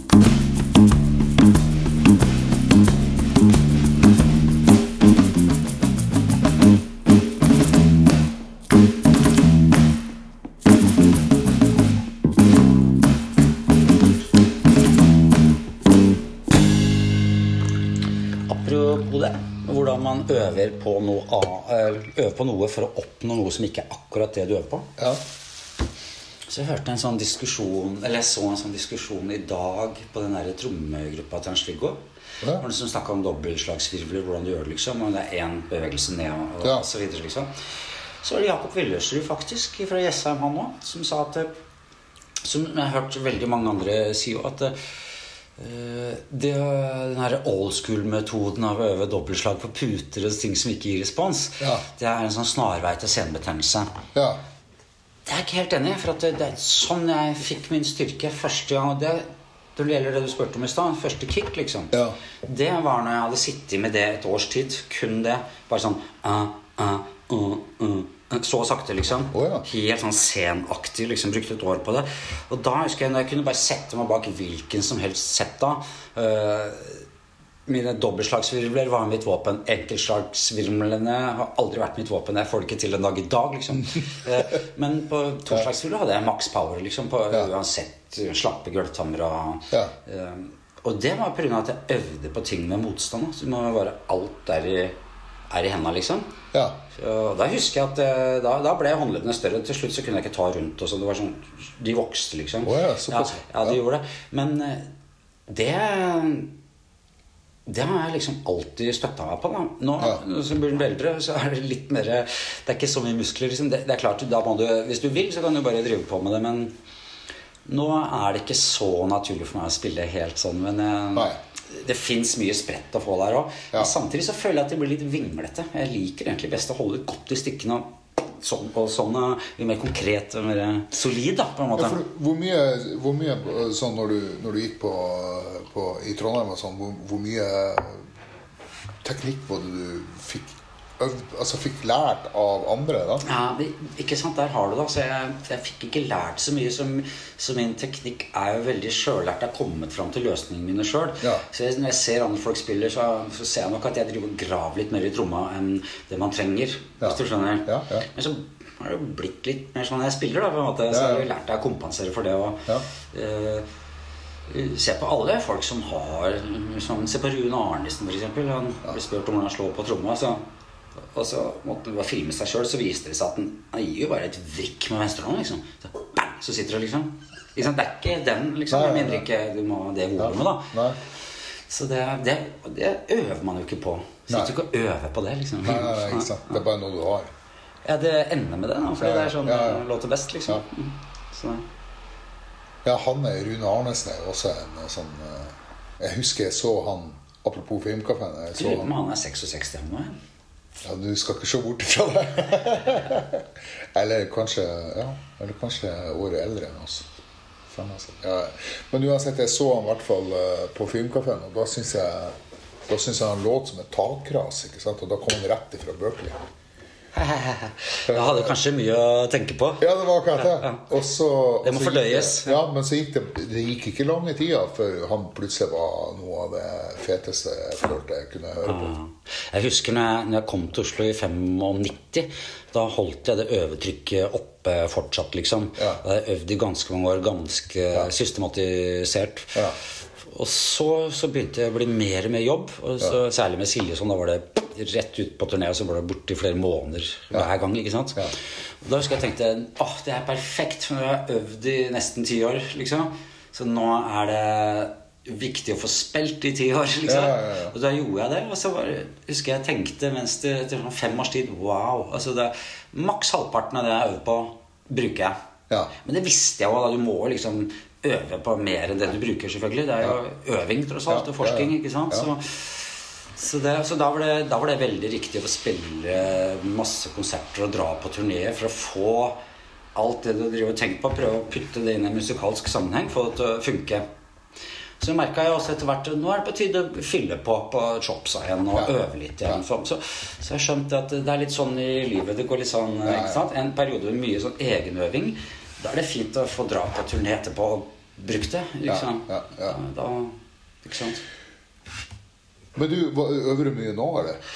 Ja, eh, ikke akkurat de par siste ukene, men eh, i løpet av koronatida så har jeg så har jeg ikke øvd mindre enn før korona. Kanskje mer, ja. Mm. Ja. Det, Jeg har ikke så mye annet å gjøre, så jeg, Nei, nei, nei, Så, så jeg prøver i hvert fall å tar meg nakken og drar meg på øverrommet. Når du først kommer i gang, så er det jo gøy. ikke sant? Ja. Men eh, det er kanskje på høy tid, men nå, alt jeg gjør nå, er med metronom. da. Ja. på høy tid. ja, fordi det har du ikke gjort før, da? Nei, aldri. Du, du, vet du hva? Det er litt. Aldri, vet du. Det- Men eh, nå føler jeg meg litt sånn ensom, liksom. Da har du i hvert fall noen å, å spille med, liksom. Ja, ja, ja, ja. Nei, fordi at jeg, jeg hørte Jeg har en sånn podkast jeg digger som heter Working Drummer. Ja. Og der hadde de for tredje gang faktisk Så var Peter Erskine eh, gjest. Og han sa at eh, chopsa hans på, på metronom hadde blitt mye bedre nå i løpet av eh, i løpet av koronatida. Fordi at, det, fordi at det er så mye sånn der eh, De ber ham være med på sånne ting som folk sender filer og sånn, og så skal du spille til klikk, da. ikke Ja, sant? ja. Så Ja, det er jævlig mye sånn for tida. ja, ja. så han, han sa at det plutselig Ja, det, det har han ikke gjort på mange år. Så det var morsomt. Jeg var eh, i forrige uke og gjorde akkurat det. Jeg er ikke, jeg er ikke så vant med å gjøre det. Men da var det et eh, amerikansk sånn derre slags metallband som heter Stratosphere. Så vi turnerte sammen i California for nesten 20 år siden. Yes. Ikke sant? De var fan av oss. og sånn. De låter- Farmers. Ja, med Farmers, ja. De er, de er sånn, fordi vi spilte litt teknisk musikk, ikke sant? Så de, men de er med på metallsida, da. Og så sendte han meg ut av det blå noen filer, for de skal gå i studio nå, liksom. Ja. Og så Det er en metal-trommis som spiller doble Cagurello hele låta. Ja? Så, men så vil de ha en sånn mer traditional cut over gjennom låta òg. Sånn bulgarsk traditional greie. da oh, ja. Så det dro jeg i studio i Oslo og gjorde i forrige uke. Ja. Det var veldig kult. Jeg har det her. Yes. Ja, så kult. Ja, låter, låter fett, det. Ja, ja. Men eh, sånn er ikke jeg vant med å gjøre. sånn jeg vet det er mange kolleger også som sitter med det, får filer og Ja, ja, ja, på det. ja. liksom Ja. Eh, det not? Altså, det kunne jeg gjort nå. Ja, nettopp. Her hører vi eh, Jarle på jarletrommer og tapan, som han har lagt på for eh, bandet Estradasfe fra Amerika.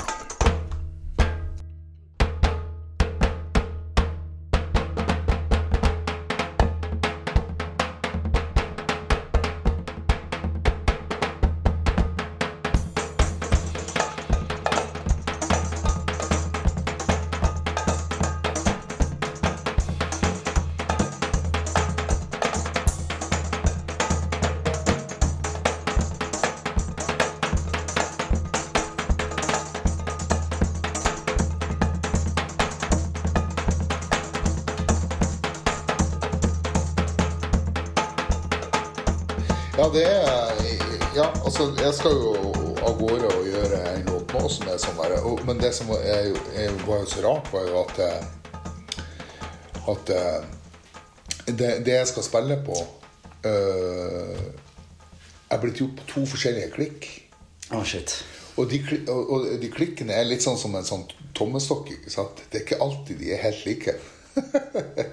Man Så- du bare velge ett av dem. Ja, det, for jeg merket, jeg synes det var så jævlig rart, for det var en sånn gitar som dro meg, dro meg veldig ut av timet. til- For, for jeg valgte å ikke spille med klikk, jeg valgte å spille etter det jeg hørte. da.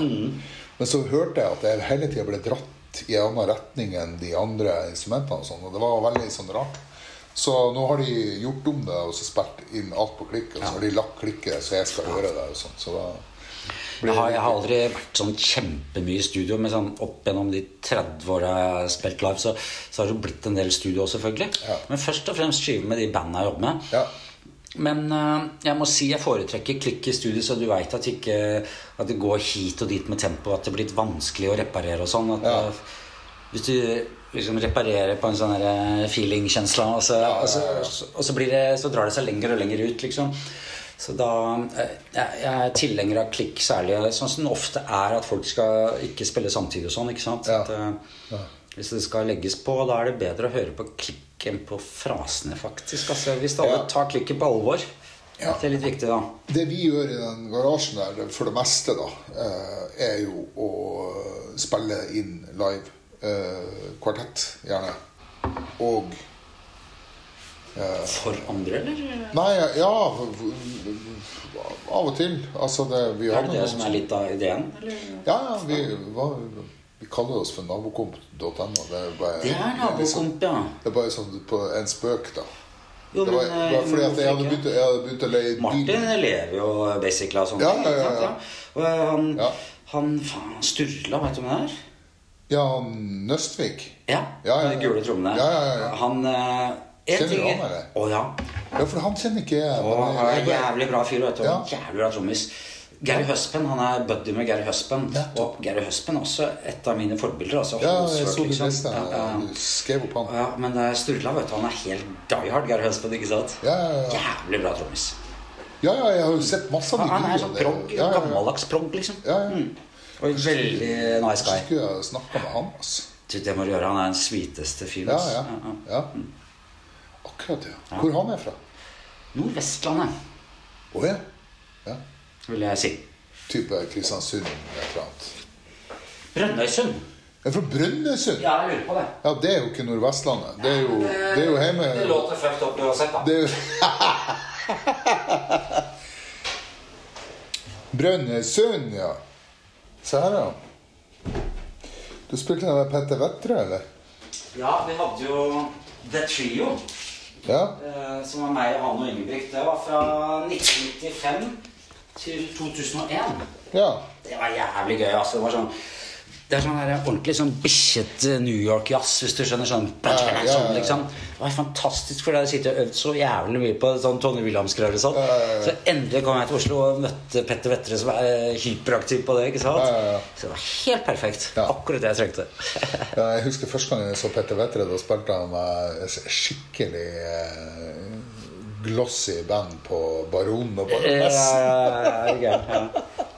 Så han gjorde mye rart. eh, Jo, men han tok et valg. Han var møkk lei av det. Ja. Han ville leve av sin musikk, og hans estetikk går mye med Det er sånn brutal amerikansk jazz. Det er det han digger, ikke sant? Ja, ja han, han eh, jeg, jeg tok bilde av eh, Jeg husker ikke hvorfor, men jeg tok bilde av noe jeg spilte i bilen min. Og det var Dave Brubeck. Ja, Og jeg hørte på, jeg tror jeg hørte, satt og hørte på Take Five. Og, ja det er fint. ja, det er jo nydelig, ikke sant? Og så er det veldig chill å høre på det. Og så da Ja. fikk jeg masse pepper fra han, vet du. Faen, Dave Brubeck, du hører jo ikke på det, din Altså, altså, altså Petter, ikke sant han, Hver gang han blir tatt bilde av, så har han enten Frp-T-skjorte eller Idol eller et eller annet sånt. Ikke? Å ja, altså, ok. han er, Eller Nei, ikke bare kødd, men altså Han, han, eh, han, han liker å provosere. Akkurat som Sverre Gjørvald. ikke sant? Og det, det har de gjort i så mange år at uh, It's all right, liksom. Hvis du skjønner. Nei, vi trenger folk som skriker litt. Jeg syns det er forfriskende. Ja. Jeg mener, jeg mener det. Ja. ja.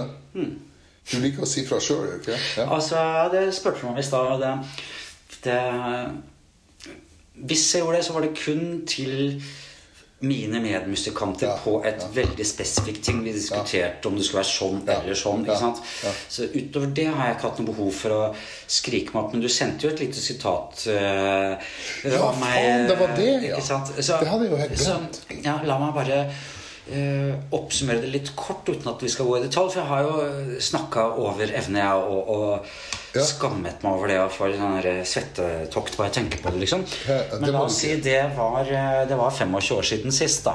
Så Det var 95, var det ikke det?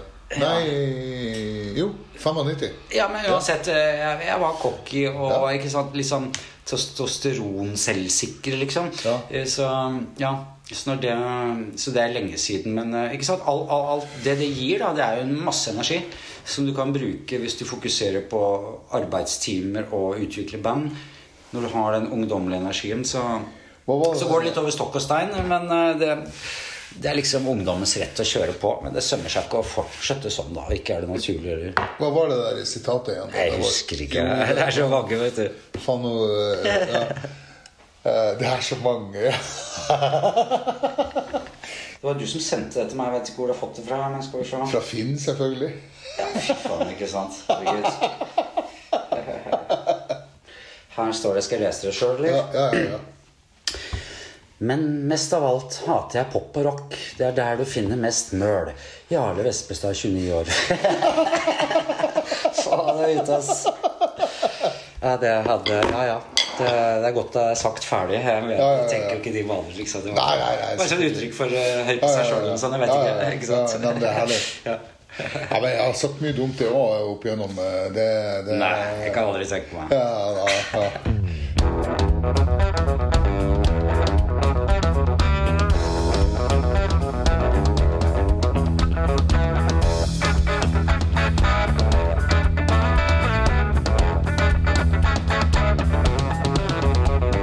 Men eh, hva, er, hva, er, hva er det du skulle ha gjort, som, altså bortsett fra de der eh, som ble avlyst i dag, da, men hva skulle du ha gjort hvis det ikke hadde blitt korona i, i mars?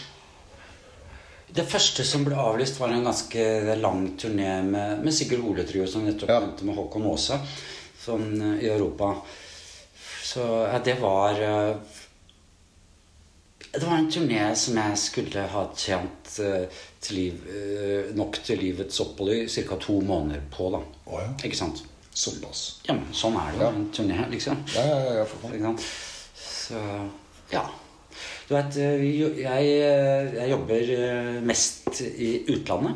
Ikke sant? Ja. Så Jeg er kanskje i de byene i Norge sånn én gang i året på litt profilerte konserter. da. Det, er- det er jo ikke plass til mer enn det per det bandet. da. Nei.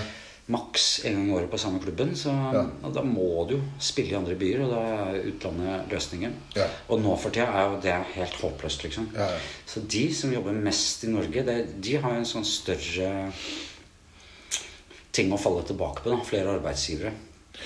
Så jeg antar de som eh, jobber mest i utlandet, er de som eh, taper mest penger nå for tida. Ja. ja.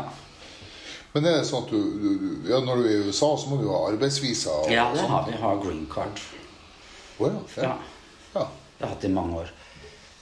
Å, De første åra var det sånn Nei, jeg- sant, ljuge så du ikke så Ja, spille. ja, så- Og så- Ja, da og så jo blir man- blir man for gammel til det, og så bare gjør man det ordentlig.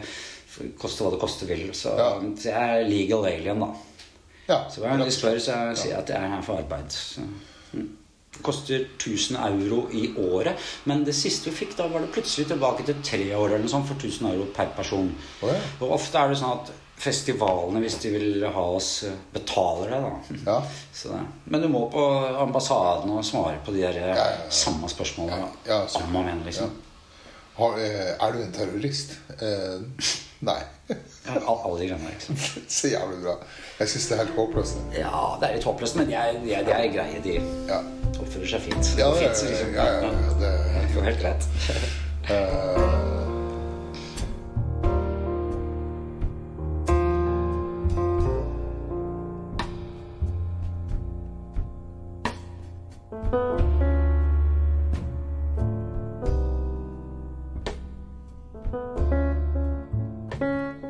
Jarle er en fantastisk trommeslager som kan fyre av gårde i 11 åttendeler i Technopol Sanitza med Farmers Market, for så å skape luft med Tor Gustavsen i The Tunnel, som dere hører bak her. Det er fra en radiokonsert de gjorde i New York. Og her skal vi også høre litt om hva Tor Gustavsen sa om samarbeidet med Jarle under intervjuet på konserten. colors that you need.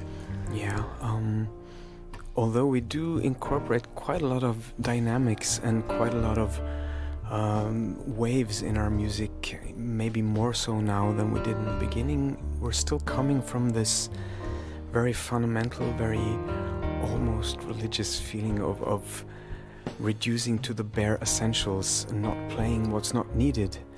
And I remember very clearly, it was like, almost like a physical um, feeling starting to play with Jarle Vespestad back in the days and getting this sense of the less we play, the more we say sometimes. And, and the less we play, the stronger it gets. And it's always, for me at least, about reopening that space in ever new ways and, and going there and then moving from there and seeing what kind of dynamics, what kind of complexity, what, kind of multi layered playing feels right coming from that point of departure.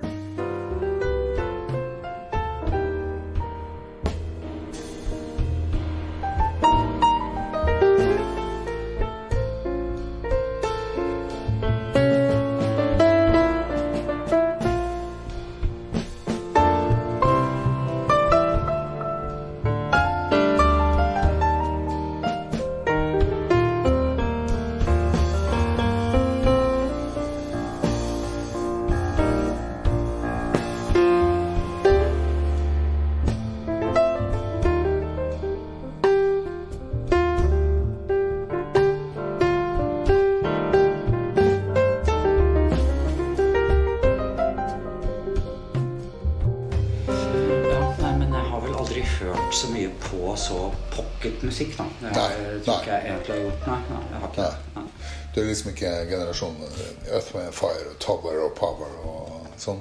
Jo, jeg er vel i generasjonen til å høre på Ja. det. Ikke sant? Men alle, de, alle mine kollegaer og de jeg studerte med, sånn, de kom fra, de kom fra litt sånn slick eh, GRP-fusion og, og Michael Jackson og Ja. alt all sånn, liksom. Og det er typisk jazzmusikere. Hva? Digger du ikke Prince? Digger du ikke Michael Jackson, liksom? Oh, ja. Altså, Not that much, eh, hvis jeg kan si. Jeg syns det er kjedelig musikk, eh, basically. Altså. Det blir for streit, rett og slett. Ja, ja, ja. jeg må bare si sånn her at eh, min interesse har gått i mer abstrakte retninger, rett og slett. Nesten alltid. Helt fra jeg var svært ung. Ja. Og, og, og det beste når du sa det at han visste ikke hvordan han skulle slutte låtene i Street Band og sånn Ja. Den aller beste musikalske situasjonen for meg er når folk kan materialet veldig godt, men du har aldri øvd på arrangementet. Du øver ikke på start og slutt og sånn. Du er bare Du bare eier innholdet i, Ja. i komposisjonen. Ja. Eh, Det er det beste for meg, utgangspunktet Ja. for å lage musikk, da. Ja. Si. Ja. ja. Ja, nei, det er morsomt det der Den der fri, frijazz Altså det, det å være så fri, da. Jeg syns det er veldig fint. At du eh, liksom kjenner på det at det, det å være fri er på en måte Er på en måte løsninga. Ja, ja eh, kanskje det er det. For at når jeg hører eh, sånne litt mer sånn pocket-trommiser som tjener Ja. penga sine på det, Ja. hvor de snakker, og så har de sånn veldig sånn konkret forhold til hvordan de gjør der og der og tenker sånn. Og det vil jeg påstå at jeg har også i en friere sammenheng. Ja. Så det, er ikke bare å lukke øya og håpe at det går bra. Man forventer at du er veldig klar, liksom. Ja. Så hvis det er fritt, så er det forventa at uh, du sørger for at det ikke er noen tvil. da. Ja. At det blir klart, like Ja. klart som komponert musikk. Ellers er det ikke bra nok, rett og slett. Nei, ikke sant? Ja. Ja, det er et veldig godt poeng. Ja, ja. Så det er det man kan si om det. Der kommer kona hjem òg. Se her, ja. Hei, hei. Herlig. Du har møtt Jon før på Lillestrøm. Oh, ja. i døra når jeg spilte med noe du skulle inn med noe. Oh, ja, ja. Husker du? For noen år siden? ja. Det var da han eh, Jeg spilte med Frode Alnes og Stian. Du vet ikke Jo, 2015? 16? 15 var det, eller 16? Å ja, det var det, ja. 29. Stemmer det, ja. desember husker jeg det var. Men jeg husker oh, ja. ikke året. Det var 15 eller 16. Oh, ja. Og du var på veien. Jeg husker jeg traff Dave Edge der. Han var Yes. med, med Staffan The Real Thing. Ikke sant? Ja, ja, ja, ja. Da møttes dere så Akkurat, ja. Ja, ja. Det var ja, på, på grise... Hva heter det? Ribbejazz. Ribbe, altså. Ja. Ikke Nei, men altså, det er jo på, Ja, på det derre På der, På grisefesten. Ja. Backstage-passet så får du sånn derre En gris, ja. En gris. Ja, Det er bilde av en gris. Er det det? Ja, ja. Ribbejazz. Akkurat, ja. Ja, så bra.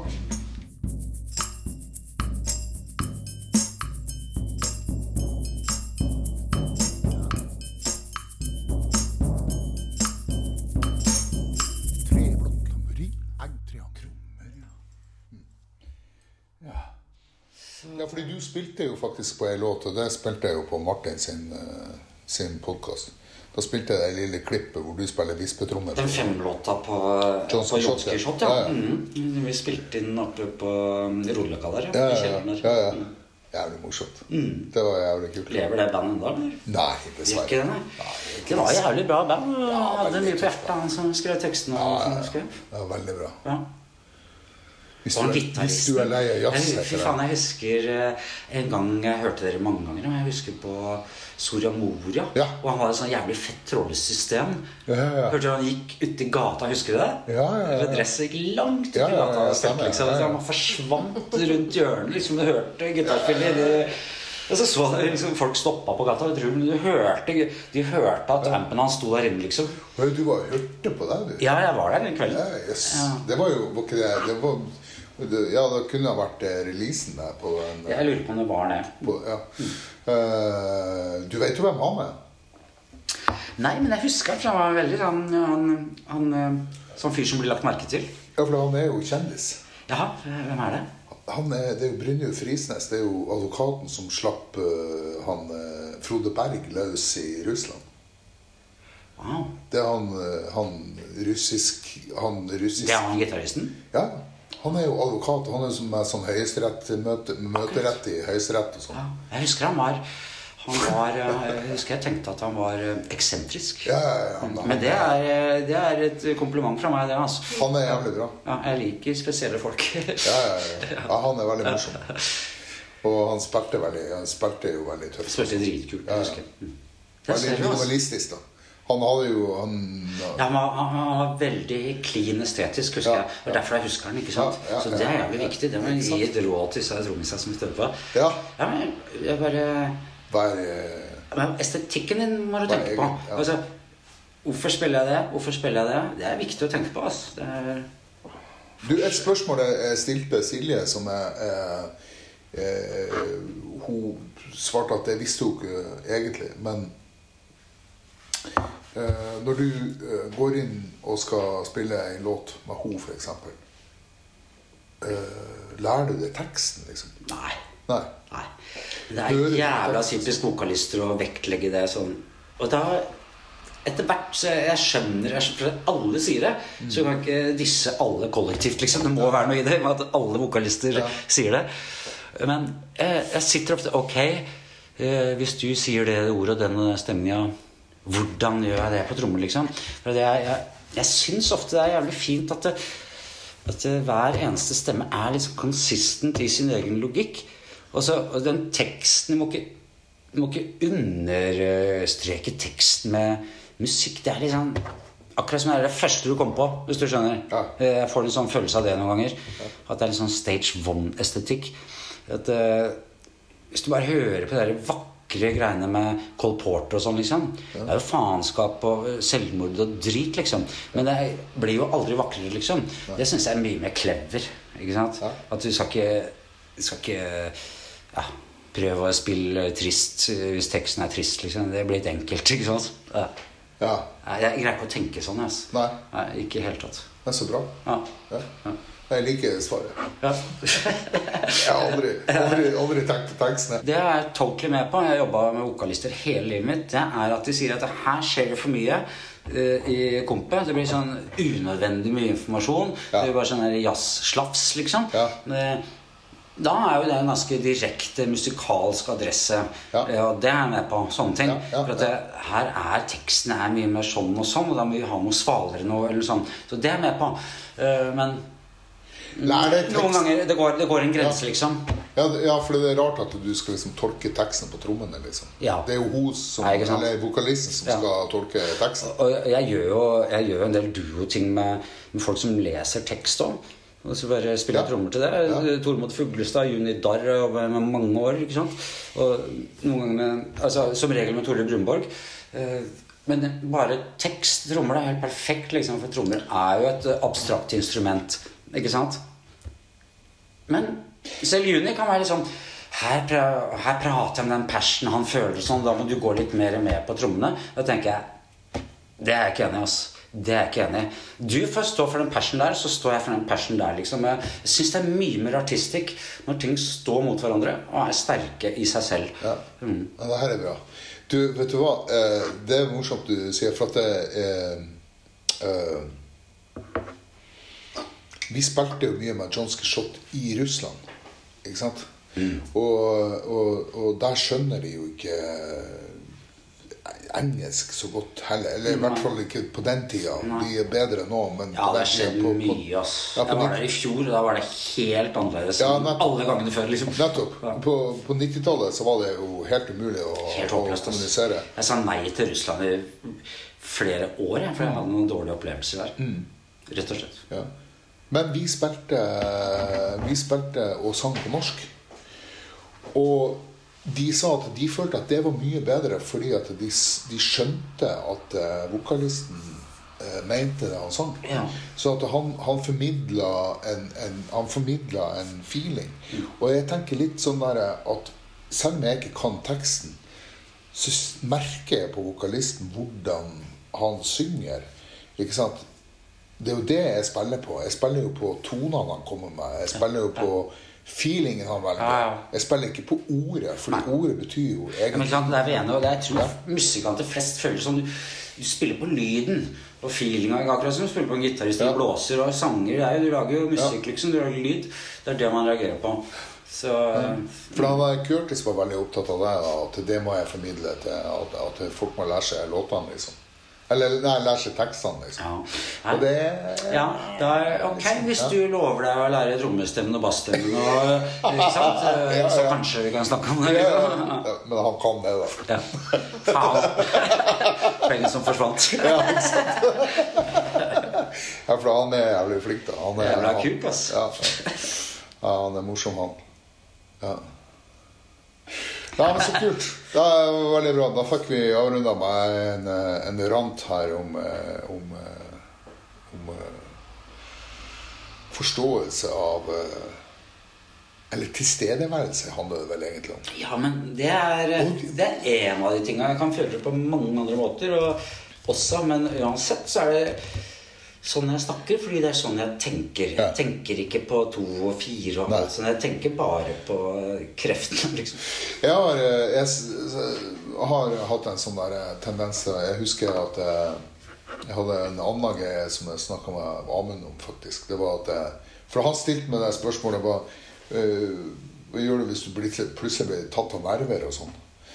Og da pleier jeg alltid å, å eh, For jeg husker jeg, jeg drev og svømte da jeg var liten. Svømte konkurranse.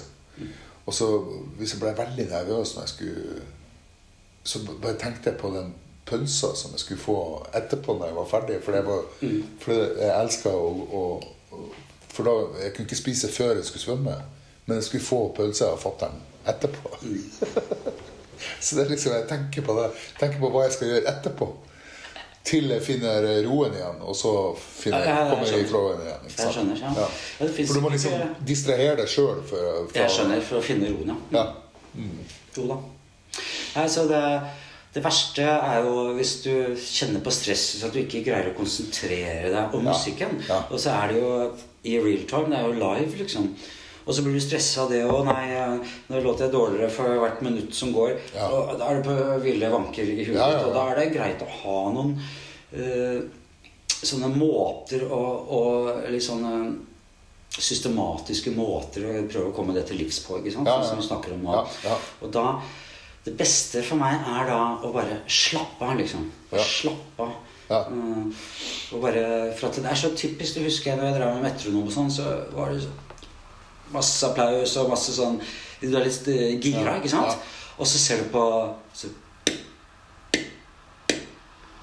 Hva er det 72? Det høres ut som 52, liksom. Det må være gærent, liksom. Ja. Eh, eh, Jeg starter litt fortere, og så blir det bare tull. ikke sant? Ja, ja. Eh, Så du må bare lære at til, Hallo, bare slapp av. Det er du som må varme ned, liksom. Så det var en veldig viktig lærdom. Ja, fordi, fordi ofte er det jo sånn at man spiller mye fortere på, på enn, Eller, altså, når Det er typisk, ja, så det er også en erfaring man skal gjøre seg. ja. Og som Svein Graff sa, da, lydmannen vår, liksom, som har kjørt for alle de fete Svein? Ja, han var jo fast med Silje først, ikke sant? Er det sant? Og han kjørte jo Ace of Base og alt Altså, det der. vi snakker om uh, Smuge-Svein Graff. Yes, that's the one. Ja. ja, ja. Så kult. Ja, Norges beste lydmann, spør du meg. Altså. Å, det? Han har det pornogenet. Han gjør det kline sånn som alle andre gjør. Og så trykker han på pornoknappen, liksom. Etter han satt, så var han litt fettere, liksom. Eh, Det vil jeg si grafferen, altså. Så det Ja, fy faen. Ja, så bra. Ja. Ja, for han var ikke sånn der Han var liksom ikke sånn der Han var ikke liksom den topp den topp, Det var liksom Jonny Skalleberg og Kåre Berg og sånn som, som hadde Var øverst i det hegemoniet på, på smuget. ja. ja. Nei, men, men eh, jeg må si eh, Svein sin lyd er den som har passa meg best opp gjennom tida. ja. Men jeg må også nevne David Solheim og Daniel Wold Ja. og Louise Lavoll. Ikke sant? Det har vært mange altså, som, som er litt enige, akkurat som norske ECM-jazzmusikere er litt enige, hvis du skjønner. Ja, ja. Så er de litt enige òg, da. Men de jeg nevnte nå, de jobba mest med som jeg har hatt eh, mest treffsikkerhet med. da. Ja, si. Ja. Så kult. Mm. Herlig. Ja, for at det er sånn som du har forklart hvordan du spiller, så er det jo viktig at de er på lag. Ja da. Jeg Ja. kødder ikke når jeg sier at man gjør sånn på et slitt skarptrommaskin, og så forventer at 1500 mennesker hører det, liksom. Det er, det er liksom Det er sånn lyd, da. Ja. Ikke sant? Mm. Ja. Nei, nå må jeg, hvis jeg skal komme med Men du, eh, så kult at jeg fikk eh, komme til det. At du fikk At jeg fikk komme hit. Ja, herregud. Og veldig deg. koselig. Eh,